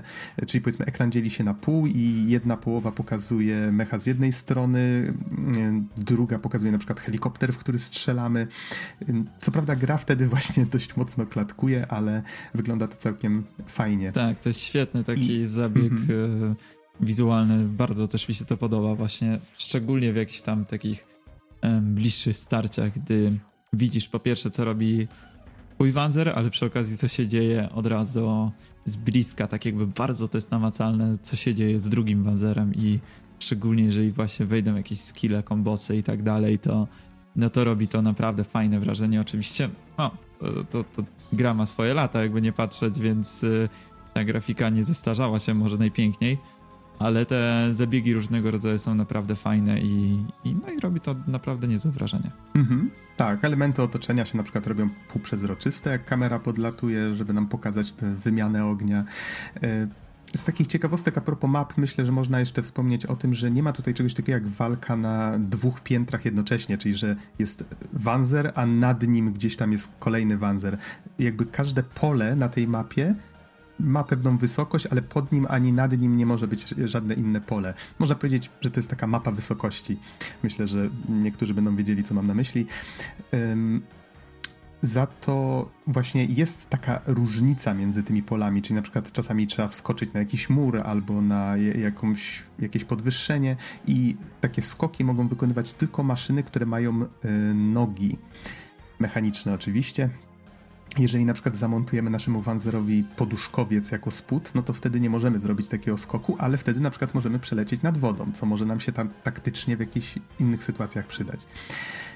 I w ogóle, skoro już mówimy o, o Wanzerach i o ich konstrukcji, no to Mamy tutaj, to, to jest jakby ca całe mięsko grzebania w tych maszynach, czyli mamy tutaj podział na korpus, ręce i właśnie te wspomniane nogi, czy, czy ich odpowiednik. Do tego możemy w obie ręce wstawić jakąś broń. Możemy, mamy też miejsce na broni na ramionach mecha i jakby takim ogranicznikiem naszych możliwości jest moc y, udźwigu, czyli korpus, który montujemy, on ma pewną, pewną moc, ile może udźwignąć ciężaru tych różnych części. Do tego możemy sobie zamontować plecak. W tym plecaku możemy trzymać przedmioty, czy to lecznicze, czy już dokładnie nie pamiętam, co tam jeszcze było z tym, w tych przedmiotach. Mm.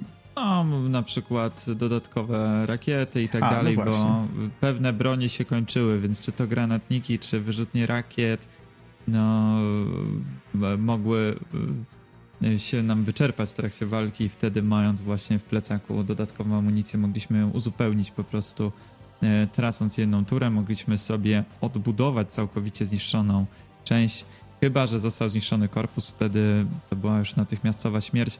I swoją drogą to jest ten element, y, przez który uważam, że Front Mission jest chyba w moich oczach najlepszą grą taktyczną, w ogóle serią taktyczną. E, dlatego że w porównaniu na przykład do takiego Final Fantasy Tactics, które też jest bardzo fajne, e, tam no, przede wszystkim mogliśmy zmieniać e, klasy postaci, oczywiście ekwipunek też, ale mam wrażenie, że to nie miało aż tak. Dobra, klasy postaci jeszcze tak, ale ten ekwipunek, no jakoś tam nam pewne statystyki zwiększał i tak dalej, i tak dalej, ale nie było to tak odczuwalne, a tutaj naprawdę mamy przeogromne możliwości, więc czy polecimy E, w dwie bronie e, dalekiego zasięgu, czy polecimy wyrzutnie rakiet plus e, jakiś tam broń wręcz, czy broń wręcz plus tarcza, czy tarcza plus karabin, czy będziemy celować w celność, czy na przykład w życie? I, i tak dalej, i tak dalej. I po prostu tych możliwości jest naprawdę na tyle dużo, mm, i na tyle dużo możemy sobie pozwolić i stworzyć to wszystko, tą całą drużynę tak jak chcemy, no że to jest takie główne mięso i, i najważniejszy składnik tej całej gry, dzięki której no naprawdę można, nie trzeba, ale można przesiedzieć godzinami w hangarze, po prostu dłubiąc, dopracowując jak najlepszy zestaw części i, i możliwości danego Wanzera pod danego poddaną postać. Mhm. Tutaj jeszcze można wspomnieć o tym, że tarcze na przykład mają swoją wytrzymałość, więc to nie jest tak, że możemy się cały czas tarczą zasłaniać, tylko ona w pewnym momencie po prostu puści. No, tak, tego różne, te, tego typu ciekawostki, których gra często nam nie mówi i po prostu dowiadujemy się o nich w locie, więc to jest całkiem fajne. No i wracając jeszcze na sekundkę do tych plecaków, zamiast na przykład plecaka na przedmioty, też o różnych pojemnościach. Te przedmioty mają powiedzmy tam, y, zajmują różną ilość pól, jest to jakoś tam fajnie zbalansowane. Jeszcze są plecaki właśnie, które zwiększają ten udźwig, więc tak jak wspomniałeś, to, to jest sztuka kompromisu. Coś albo, albo coś. Nie jesteśmy w stanie obładować tego mecha po prostu brońmi z każdej strony. To, a nie razu mi się to nie udało, chociaż może jest możliwe. I jakby taka ważna rzecz, właściwie najważniejsza w trakcie walki, to są punkty akcji. No i tutaj każdy ruch, każdy atak, każdy kontratak, to wszystko kosztuje nas te punkty akcji. Dostajemy pewną ich ilość co turę. No i ich limit na postać zależy od tego, ile doświadczenia ta postać ma.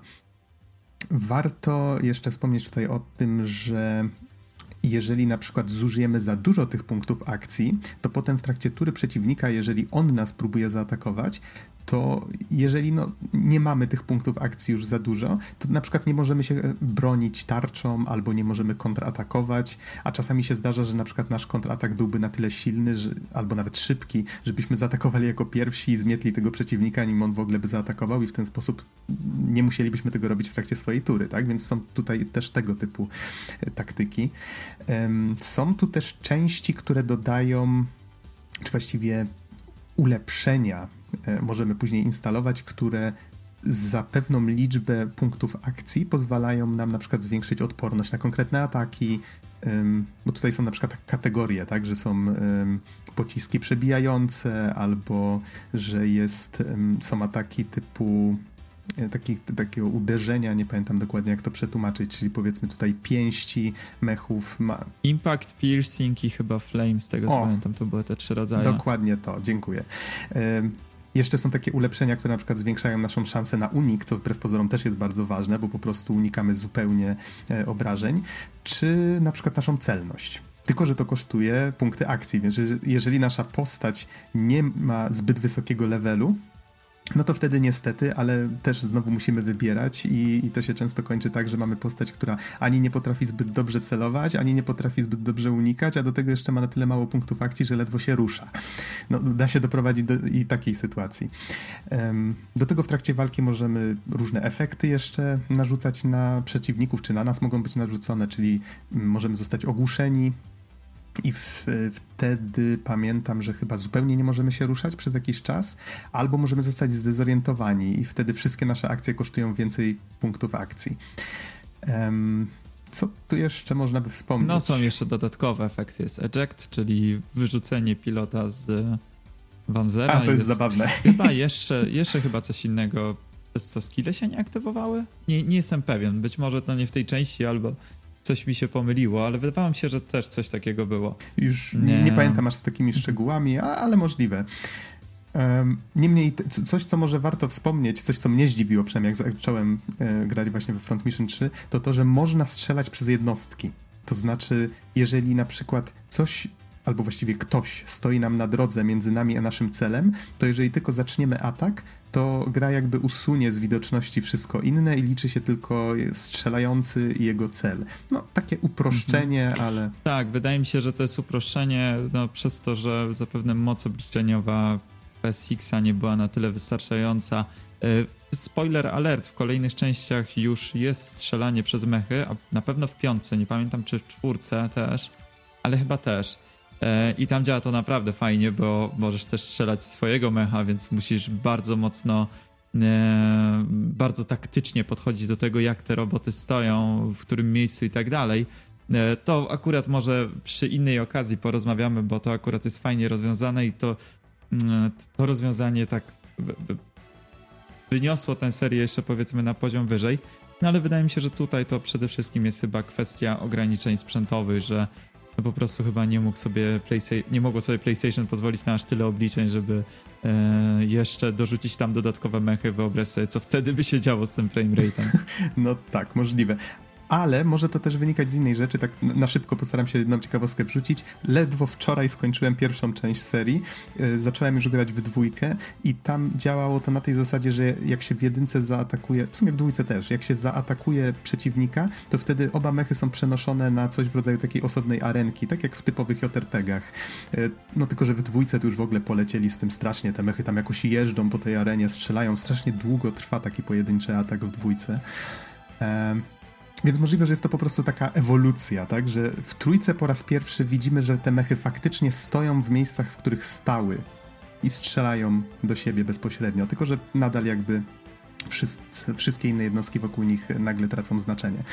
E, Okej, okay, no i to, co jest chyba najważniejsze w systemie walki we Front Mission, to jest to, że to wszystko to jest jedna wielka loteria. To znaczy, okej, okay, są rzeczy, na które mamy wpływ, Możemy dobierać te części, możemy to wszystko zmieniać, wpływać na to, ile procent szans na różne rzeczy mamy, ale cała reszta, no to jest już jakby to, z jakiej odległości stoimy od przeciwnika, ma wpływ na to, jaką mamy szansę na trafienie go. To i czy wpadnie nam na przykład umiejętność jakaś w danym momencie, w danym ataku, to to jest już zupełna loteria i nie wiemy, czy nagle atak będzie silniejszy, albo czy będzie jakiś dodatkowy efekt. I to jest właśnie takie, hmm, można powiedzieć, że dla innych będzie to duża wada, dla innych będzie olbrzymią zaletą. Może zaraz wyjaśnię dlaczego. E, wspomniałem o tych umiejętnościach i to jest troszeczkę taki większy temat. Może przejdźmy teraz do tego. I to jest skonstruowane w ten sposób, że każda część, którą możemy doczepić do swojego mecha, ona ma przypisaną pewną umiejętność, tylko nie wiemy jaką. Więc przyczepiamy te części. Każda z nich ma napisany warunek, który musimy spełnić, żeby dowiedzieć się, jaka jest to umiejętność, właściwie, żeby się jej nauczyć. Czyli na przykład walcz wręcz. No okej, okay, no to walczymy wręcz, nic się nie dzieje. Hm. Ciekawe dlaczego. W pewnym momencie, po iluś tam atakach na przykład, i to jest też zupełnie losowe, nagle to się odblokowuje i to jest oczywiście takie zrobione w taki flashy sposób, że się pojawia jakiś efekt, że kamera zaczyna się kręcić. Jej, nauczyłeś się umiejętności, nagle bam, widzimy co to za umiejętność, czyli na przykład tam jakiś silniejszy cios, albo że mm, pilot celuje y, tylko w nogi, albo tylko w rękę przeciwnika, coś w tym rodzaju. I wtedy możemy dodać ten atak, którego żeśmy się nauczyli, do komputera pokładowego. Te komputery można wymieniać, one mają różną e, z, zasobność, tak? Możemy różną ilość tych umiejętności tam wrzucić, one też jakby zajmują różne ilości miejsca. I im więcej dorzucimy jednej umiejętności, bo możemy się nauczyć wiele razy jednej umiejętności, im więcej jej dorzucimy, tym zwiększamy szanse na to, że ona się wylosuje. Do tego jeszcze jest procentowa szansa na to, żeby wpadnie tak zwane combo. I wtedy dochodzi do takiej sytuacji, że dajmy na to. Jest tu ta, taka radość hazardzisty, że taka, taka, taka sytuacja, którą chyba ty surfer nawet widziałeś. Zacząłem misję, pojawiły się jednostki przeciwnika, które wpadły na arenę w jakiś taki bardzo efektowny sposób, przez szyby w jakimś tunelu podwodnym, więc tam wszystko się zaczęło zalewać, nagle się kurtyny zamknęły bezpieczeństwa i tak sobie myślisz, o kurde, ci goście zaraz mnie rozmiotą. I zaczęli atak pierwsi, jeden z nich podbiegł do mojego mecha, nie pamiętam czy to był Ryogo, czy właśnie, czy jakaś inna postać i nim gość zdążył zaatakować, to mojemu mechowi wpadła umiejętność, która pozwoliła mu zaatakować jako pierwszy, jeżeli dobrze pamiętam. Potem wpadł w combo, które pozwoliło mu strzelać z większą e, chyba częstotliwością i wpadło to combo kilka razy, czyli ta umiejętność się kilka razy pojawiła. I właściwie Przeciwnik ledwo do mnie podszedł i już go nie było, a ja nie zdążyłem nawet wybrać, co chcę robić. Więc dochodzi to nawet do takich sytuacji, ale kiedy to się dzieje, to jest takie o tak. Więc to, tak to potrafi tutaj wyglądać. E... Tak, to jest naprawdę fajne i wiesz, z jednej strony um, łatwo jest krytykować ten system, no bo to jest takie, um, no dobra, trafi się, nie trafi, ale z drugiej strony e, jestem też takim takie poczucie odkrywania czegoś nieznanego i i to jest takie fajne, jak czasami gdzieś tam sobie w hangarze pogrzebiesz przy tych częściach, ustawisz i nawet nie, nie, pamiętasz, jak się aktywuje daną umiejętność, czy co trzeba zrobić, żeby ją aktywować. I nagle w pewnym momencie pojawi się nowa umiejętność i jest takie, o kurczę, co to jest, co to jest? I okazuje się, że jest coś fajnego, coś naprawdę mocnego i no i to jest naprawdę fajne, więc z jednej strony y, nie jest to może idealne rozwiązanie, no bo mm, ten element losowości jest dosyć duży, no wiesz, równie dobrze ciebie można sprzątnąć w jedną czy dwie tury i możesz nie do końca mieć na to wpływ, tak jak chociażby umiejętność salvo. Pamiętam, że właśnie kiedyś przechodząc e, grę jeden z wrogów miał tę umiejętność i tak, o salvo, ciekawe co to. I tak patrzę, Rakieta. Jedna, druga, trzecia, czwarta, piąta, szósta, ja. E, co kurczę? Co to się wydarzyło? I wiesz, nie miałem pojęcia, że w ogóle taka umiejętność istnieje i, i, i mój mech w jedną turę po prostu przestał istnieć i było takie, o kurczę, no, no fajnie. No. Tak. Nie, więc... To, to jest w ogóle o tyle ciekawe, że właśnie niektóre z tych um, umiejętności to jest też taki miecz obusieczny, ale nie tylko dlatego, że przeciwnicy potrafią czasami z nich korzystać, ale też chodzi o to, że właśnie. Hmm.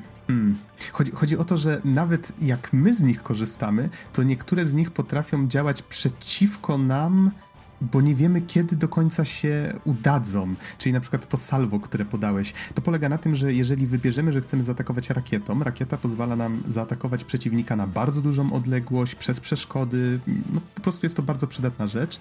Yy, tylko czasami przeciwnik na przykład może być odporny albo zasłonić się tarczą, więc no powiedzmy nie jest to aż takie y, pewne, że, że przeciwnika trafimy. Zresztą rakiety się kończą i trzeba je uzupełniać przedmiotami. z kolei salvo sprawia, że wystrzeliwujemy wszystkie rakiety, które zostały nam wyrzutni. Z reguły jest to tam 6 rakiet maksimum. I właśnie może się zdarzyć, że my na przykład nie chcemy wystrzelić tych wszystkich rakiet, że my chcemy jeszcze je tam zostawić, a nie marnować na przykład następną turę na to, żeby używać przedmiotu, e, który nam te rakiety z powrotem przywróci w tym magazynku. E, a tymczasem o, no dobrze, ten przeciwnik zostało mu tam powiedzmy 10 zdrowia, tak? I nagle fiu, fiu, fiu, salvo, o nie! I nagle 6 rakiet leci w przeciwnika, który padłby na przykład od połowy rakiety, tak? E, albo jest taka umiejętność, jak przechodziłem grę po raz drugi już na drugim scenariuszu, bo to też jest fajne, że e, Umiejętności postaci to jest chyba jedyna rzecz, która przechodzi do New Game Plus, więc jak chcecie sobie zagrać na przykład na tym samym save'ie w ten drugi scenariusz, no to już te postacie będą pamiętać przynajmniej te postacie, które się powtarzają, tak? One będą pamiętać mm, te swoje umiejętności. Co prawda, te bardziej skomplikowane na początku chyba mają problem z, z wpadaniem tak łatwo, e, więc trzeba to trochę stopniować, ale, ale jest to całkiem fajne, że jakby to, czego się już nauczyliśmy z danych części, to to zostaje. E, I jak przechodziłem grę po raz drugi, to jedna z postaci nauczyła się umiejętności hit or miss, czyli trafienie albo pudło. I polega to na tym, że no tak właściwie jak nazwa sama wskazuje, czyli że każdy strzał jest albo totalnie trafiony, czyli jeżeli mamy shotguna, który każdy każda drobinka wystrzelona z shotguna ma jakiś tam procent szans, że trafi, no to hit or miss sprawia, że wszystkie z tych drobinek trafiają i shotgun jeszcze jest rozpryskowy, więc sprawia, że trafia w kilka części jednocześnie, więc jest to po prostu taki masakrator. I w pewnym momencie, jak się zorientowałem, że ta postać bardzo często powoduje combo tego hit or miss, to było tylko hit or miss i taka ruletka. Bam, traf, pełne trafienie. Combo, hit or miss, bam, kolejne pełne trafienie. I też właśnie zdarzały się takie sytuacje, że kilka było hit or missów pod rząd, i przeciwnik był zmasakrowany, a zdarzało się, że ta postać po prostu nie przydawała się kompletnie do niczego, bo miss, miss, miss, miss za missem. No, to, to, to można powiedzieć, że ten system, on się wydaje taki trochę dziwny, nielogiczny też miejscami. Wydaje mi się, że wbrew pozorom zachęca do tego, żeby jednak zajrzeć trochę do tych poradników, zobaczyć, które z tych umiejętności są e, fajne i w które opłaca się częściej na przykład inwestować nasz czas, ale jeżeli ktoś chciałby tak zupełnie losowo do tego podejść, zobaczyć, co mu wypadnie, a potem próbować dostosować swoją taktykę do tego, co wylosował. Myślę, że tak też się da w tę grę grać. Okej, okay, to może przechodząc dalej, chyba że chcesz jeszcze coś dodać a propos umiejętności. Wspomniałeś tutaj o tym, że można się katapultować, to też jest całkiem fajna mechanika. Mianowicie to też jest pewna jakaś procentowa szansa na to, że to się stanie i możemy to zrobić albo przeciwnikowi, albo on nam i to też potrafi nam ostro popsuć szyki, bo nagle się okazuje, że dowolny atak przeciwnika, nieważne jak lekki by nie był, może sprawić, że e, powiedzmy, że przeciwnik w formie zwykłego ludka postaci, bo można tutaj właśnie chodzić e, też e, ludkami, wyjść po prostu z Wanzera. Jako ludek strzeli w nas z pistoletu i nagle ejected i nasza postać piup, wylatuje z tego mecha, możemy wybrać miejsce, gdzie może wyskoczyć. I, tak się zastanawiamy, co, to, co, co, się stało? Ta kula trafiła w nas i nagle ten mech nas, nie wiem, tak po prostu gdzieś tam y, wypluł w drugą stronę. No jest to trochę zabawne, ale trzeba przyznać, że rodzi różne ciekawe sytuacje, czyli na przykład Dzięki temu możemy przejąć kontrolę nad cudzym wanzerem. Przeciwnicy do naszych wchodzić nie mogą, więc to też można łatwo wykorzystywać. E, nie można ludków rozdeptywać, ale można do nich na przykład próbować strzelić, co nie jest takie proste, jak się wydaje. Jest to trochę jak próba trafienia w muchę. No, tego typu rzeczy. Czasami na przykład niektóre scenariusze e, nie wiem, był przynajmniej jeden taki, pamiętam, w którym byliśmy zmuszeni jedną postacią grać bez Wanzera i trzeba było ją mocno osłaniać, więc gra troszkę bawi się właśnie tym, tą konwencją.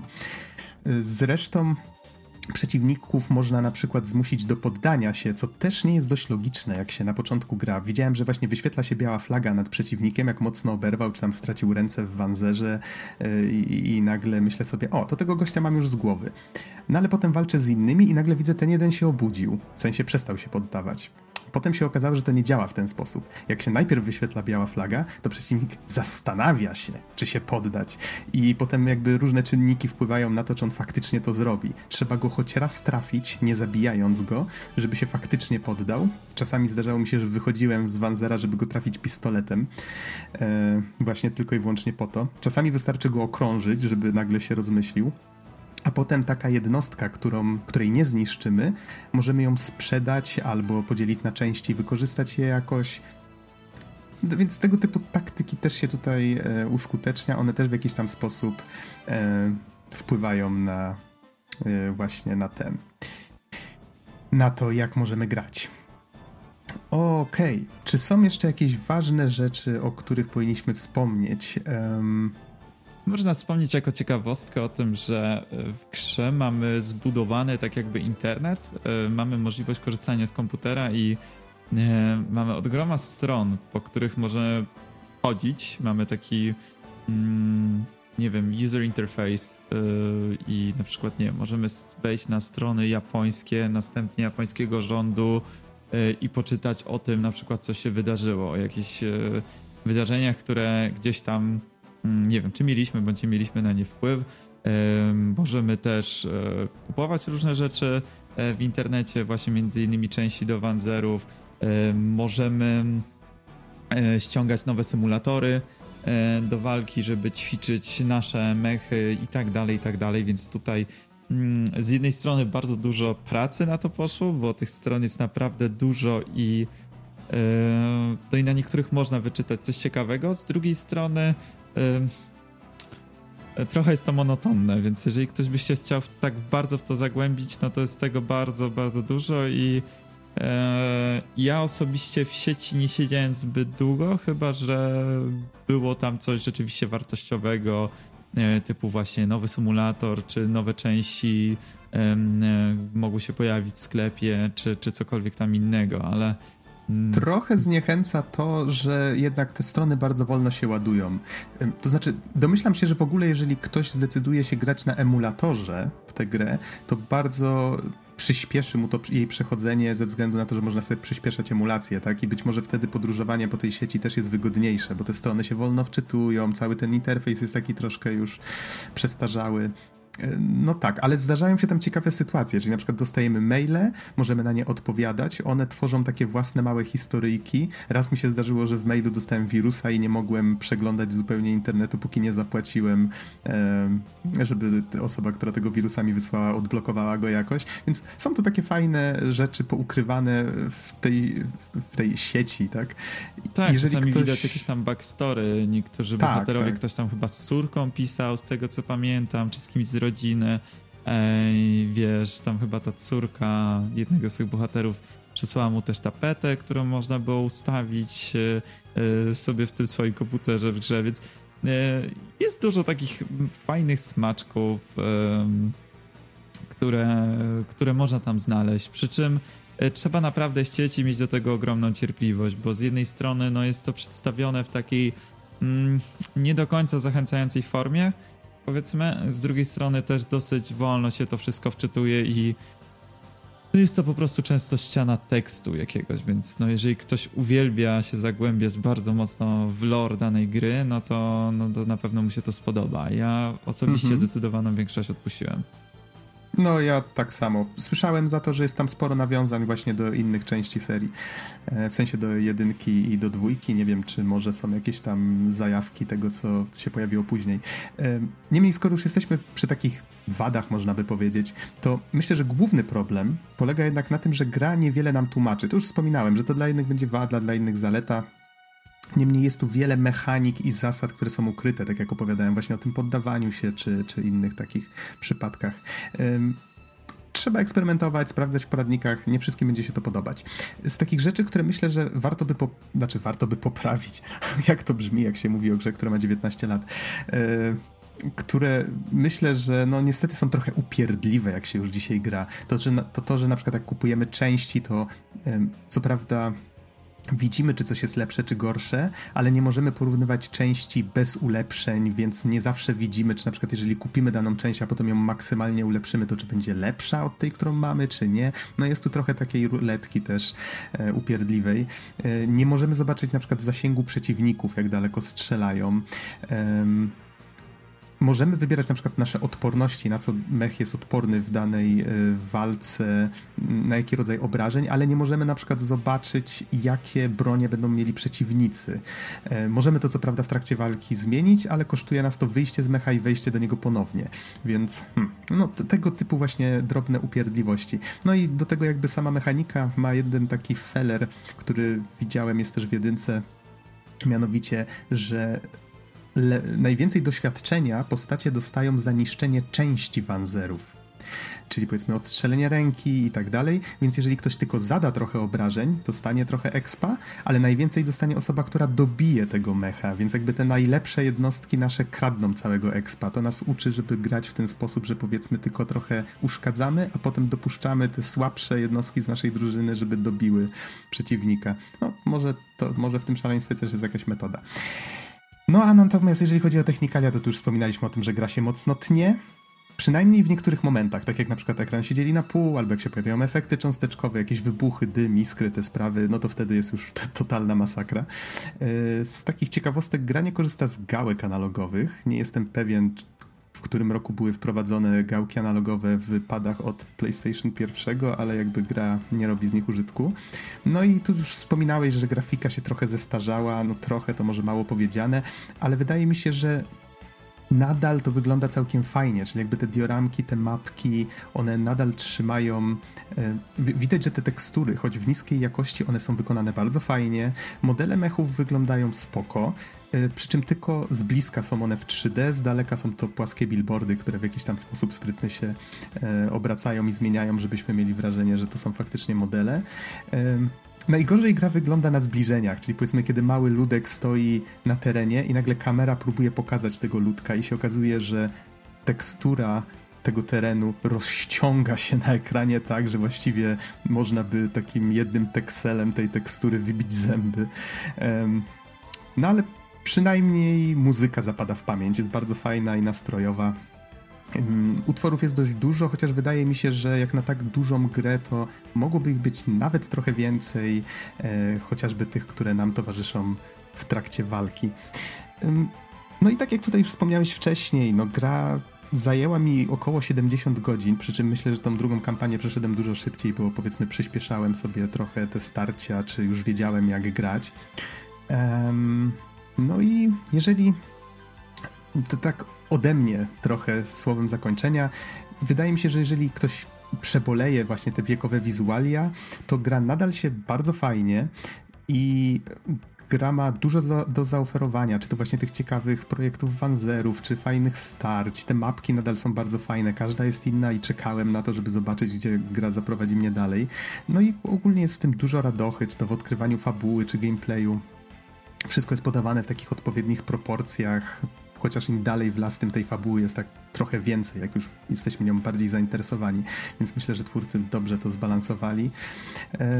No i właśnie jak ktoś lubi siedzieć w hangarze, chociażby z, z tymi mechami, no to też tam może dużo czasu spędzić, więc muszę przyznać, że bardzo pozytywnie mnie ta gra zaskoczyła, tak? Zwłaszcza jak cofnąłem się trochę do tych poprzednich e, części teraz, że widać, że trójka trzyma się bardzo dobrze. Jeszcze z dwójką mało czasu spędziłem, ale zdecydowanie trójkę nawet po tych 19 latach mógłbym spokojnie polecić. Tak, więc e, wiesz, z jednej strony jak tak sobie o tym rozmawiamy, to do każdego elementu właściwie tej gry można by było się przyczepić, bo i postacie z jednej strony są czasami sztampowe czy irytujące, czy czasami ta fabuła się nie skleja, e, czy jeżeli chodzi o pewne e, rozwiązania takie taktyczne powiedzmy, czy jeżeli chodzi o ten system walki, czy, czy rozwój tych mechów i tak dalej, czy rozwój postaci. Do, do każdego elementu można by było o coś się przyczepić. Ale jakoś to wszystko na tyle dobrze się trzyma i przede wszystkim gra jest mega miodna, to znaczy jest taka bardzo mięsista, taka, że mm, właśnie jak ci wejdzie jakiś dobry atak, czy jakieś dobre combo, to tak fajnie to wygląda, jest taki fajny efekt, albo jak się dzieją naprawdę jakieś ważne rzeczy w fabule i przygrywa jakaś taka bardzo ym, konkretna muzyka, która cię przygotowuje do walki, do tego, żeby stawić czoła, wiesz, temu co przed tobą, czy Yy, nagle trafiasz na jakiś nowy oddział wrogów, super jakiś tam zmodyfikowanych, wiesz, yy, żołnierzy i tak dalej, i tak dalej. I po prostu jak tak patrzysz na to z boku, to troszeczkę tak jak, nie wiem, tak jak o MGS-ie się rozmawia, no tak mówisz o tej grze i ona jest trochę, trochę głupkowata momentami, ale coś ma takiego niesamowitego w sobie i to szczególnie trójka.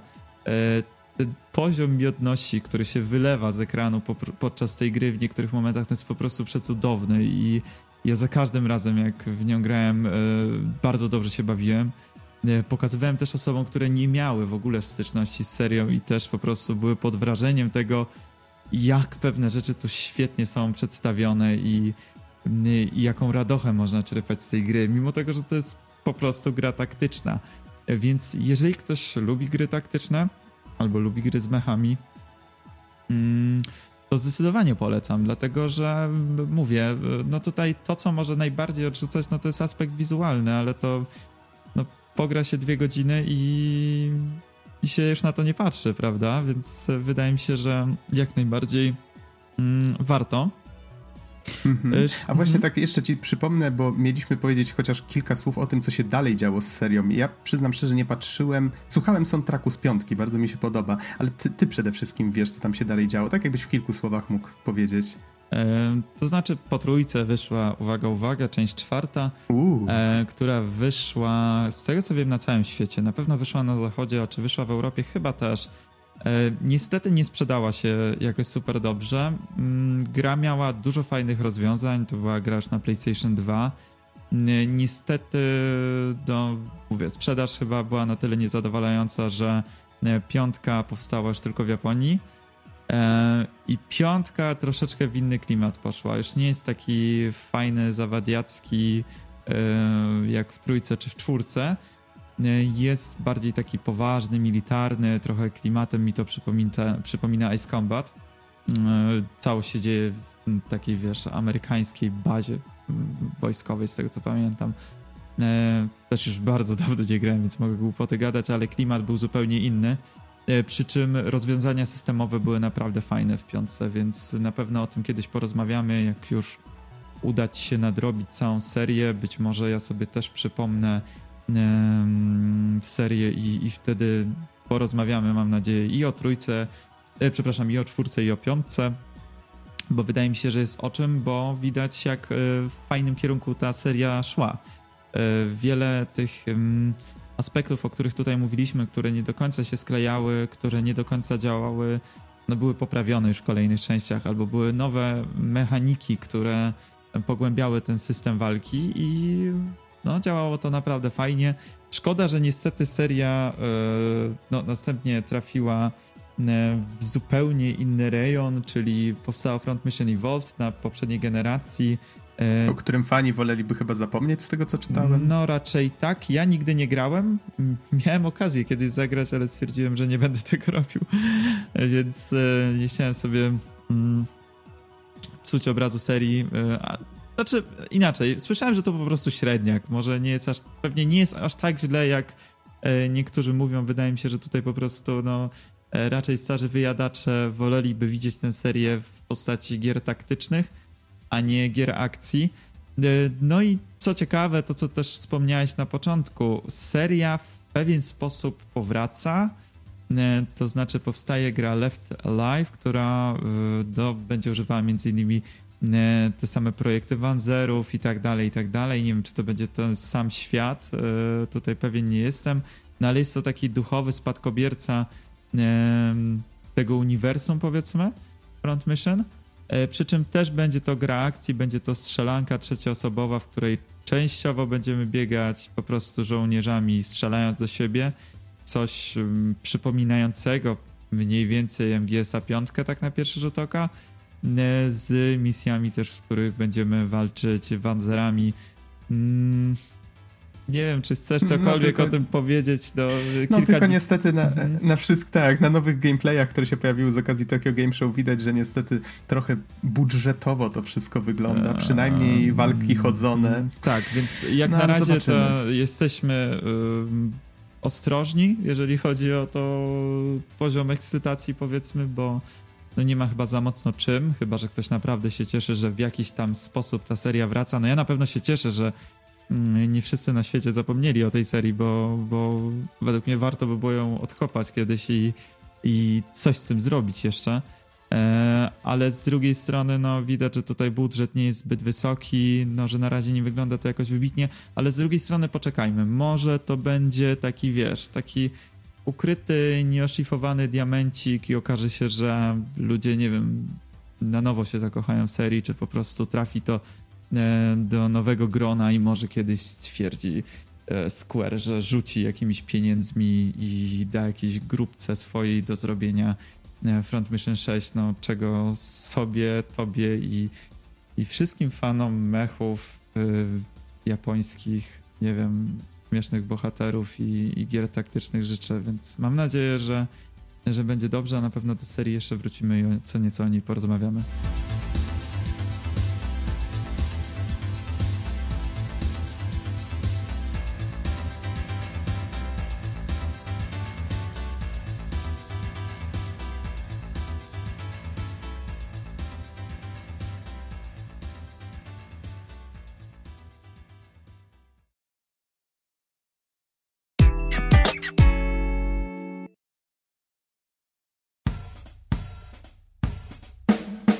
Już wszystko na dzisiaj. Dziękujemy Wam bardzo za uwagę i do usłyszenia w następnym odcinku. Trzymajcie się.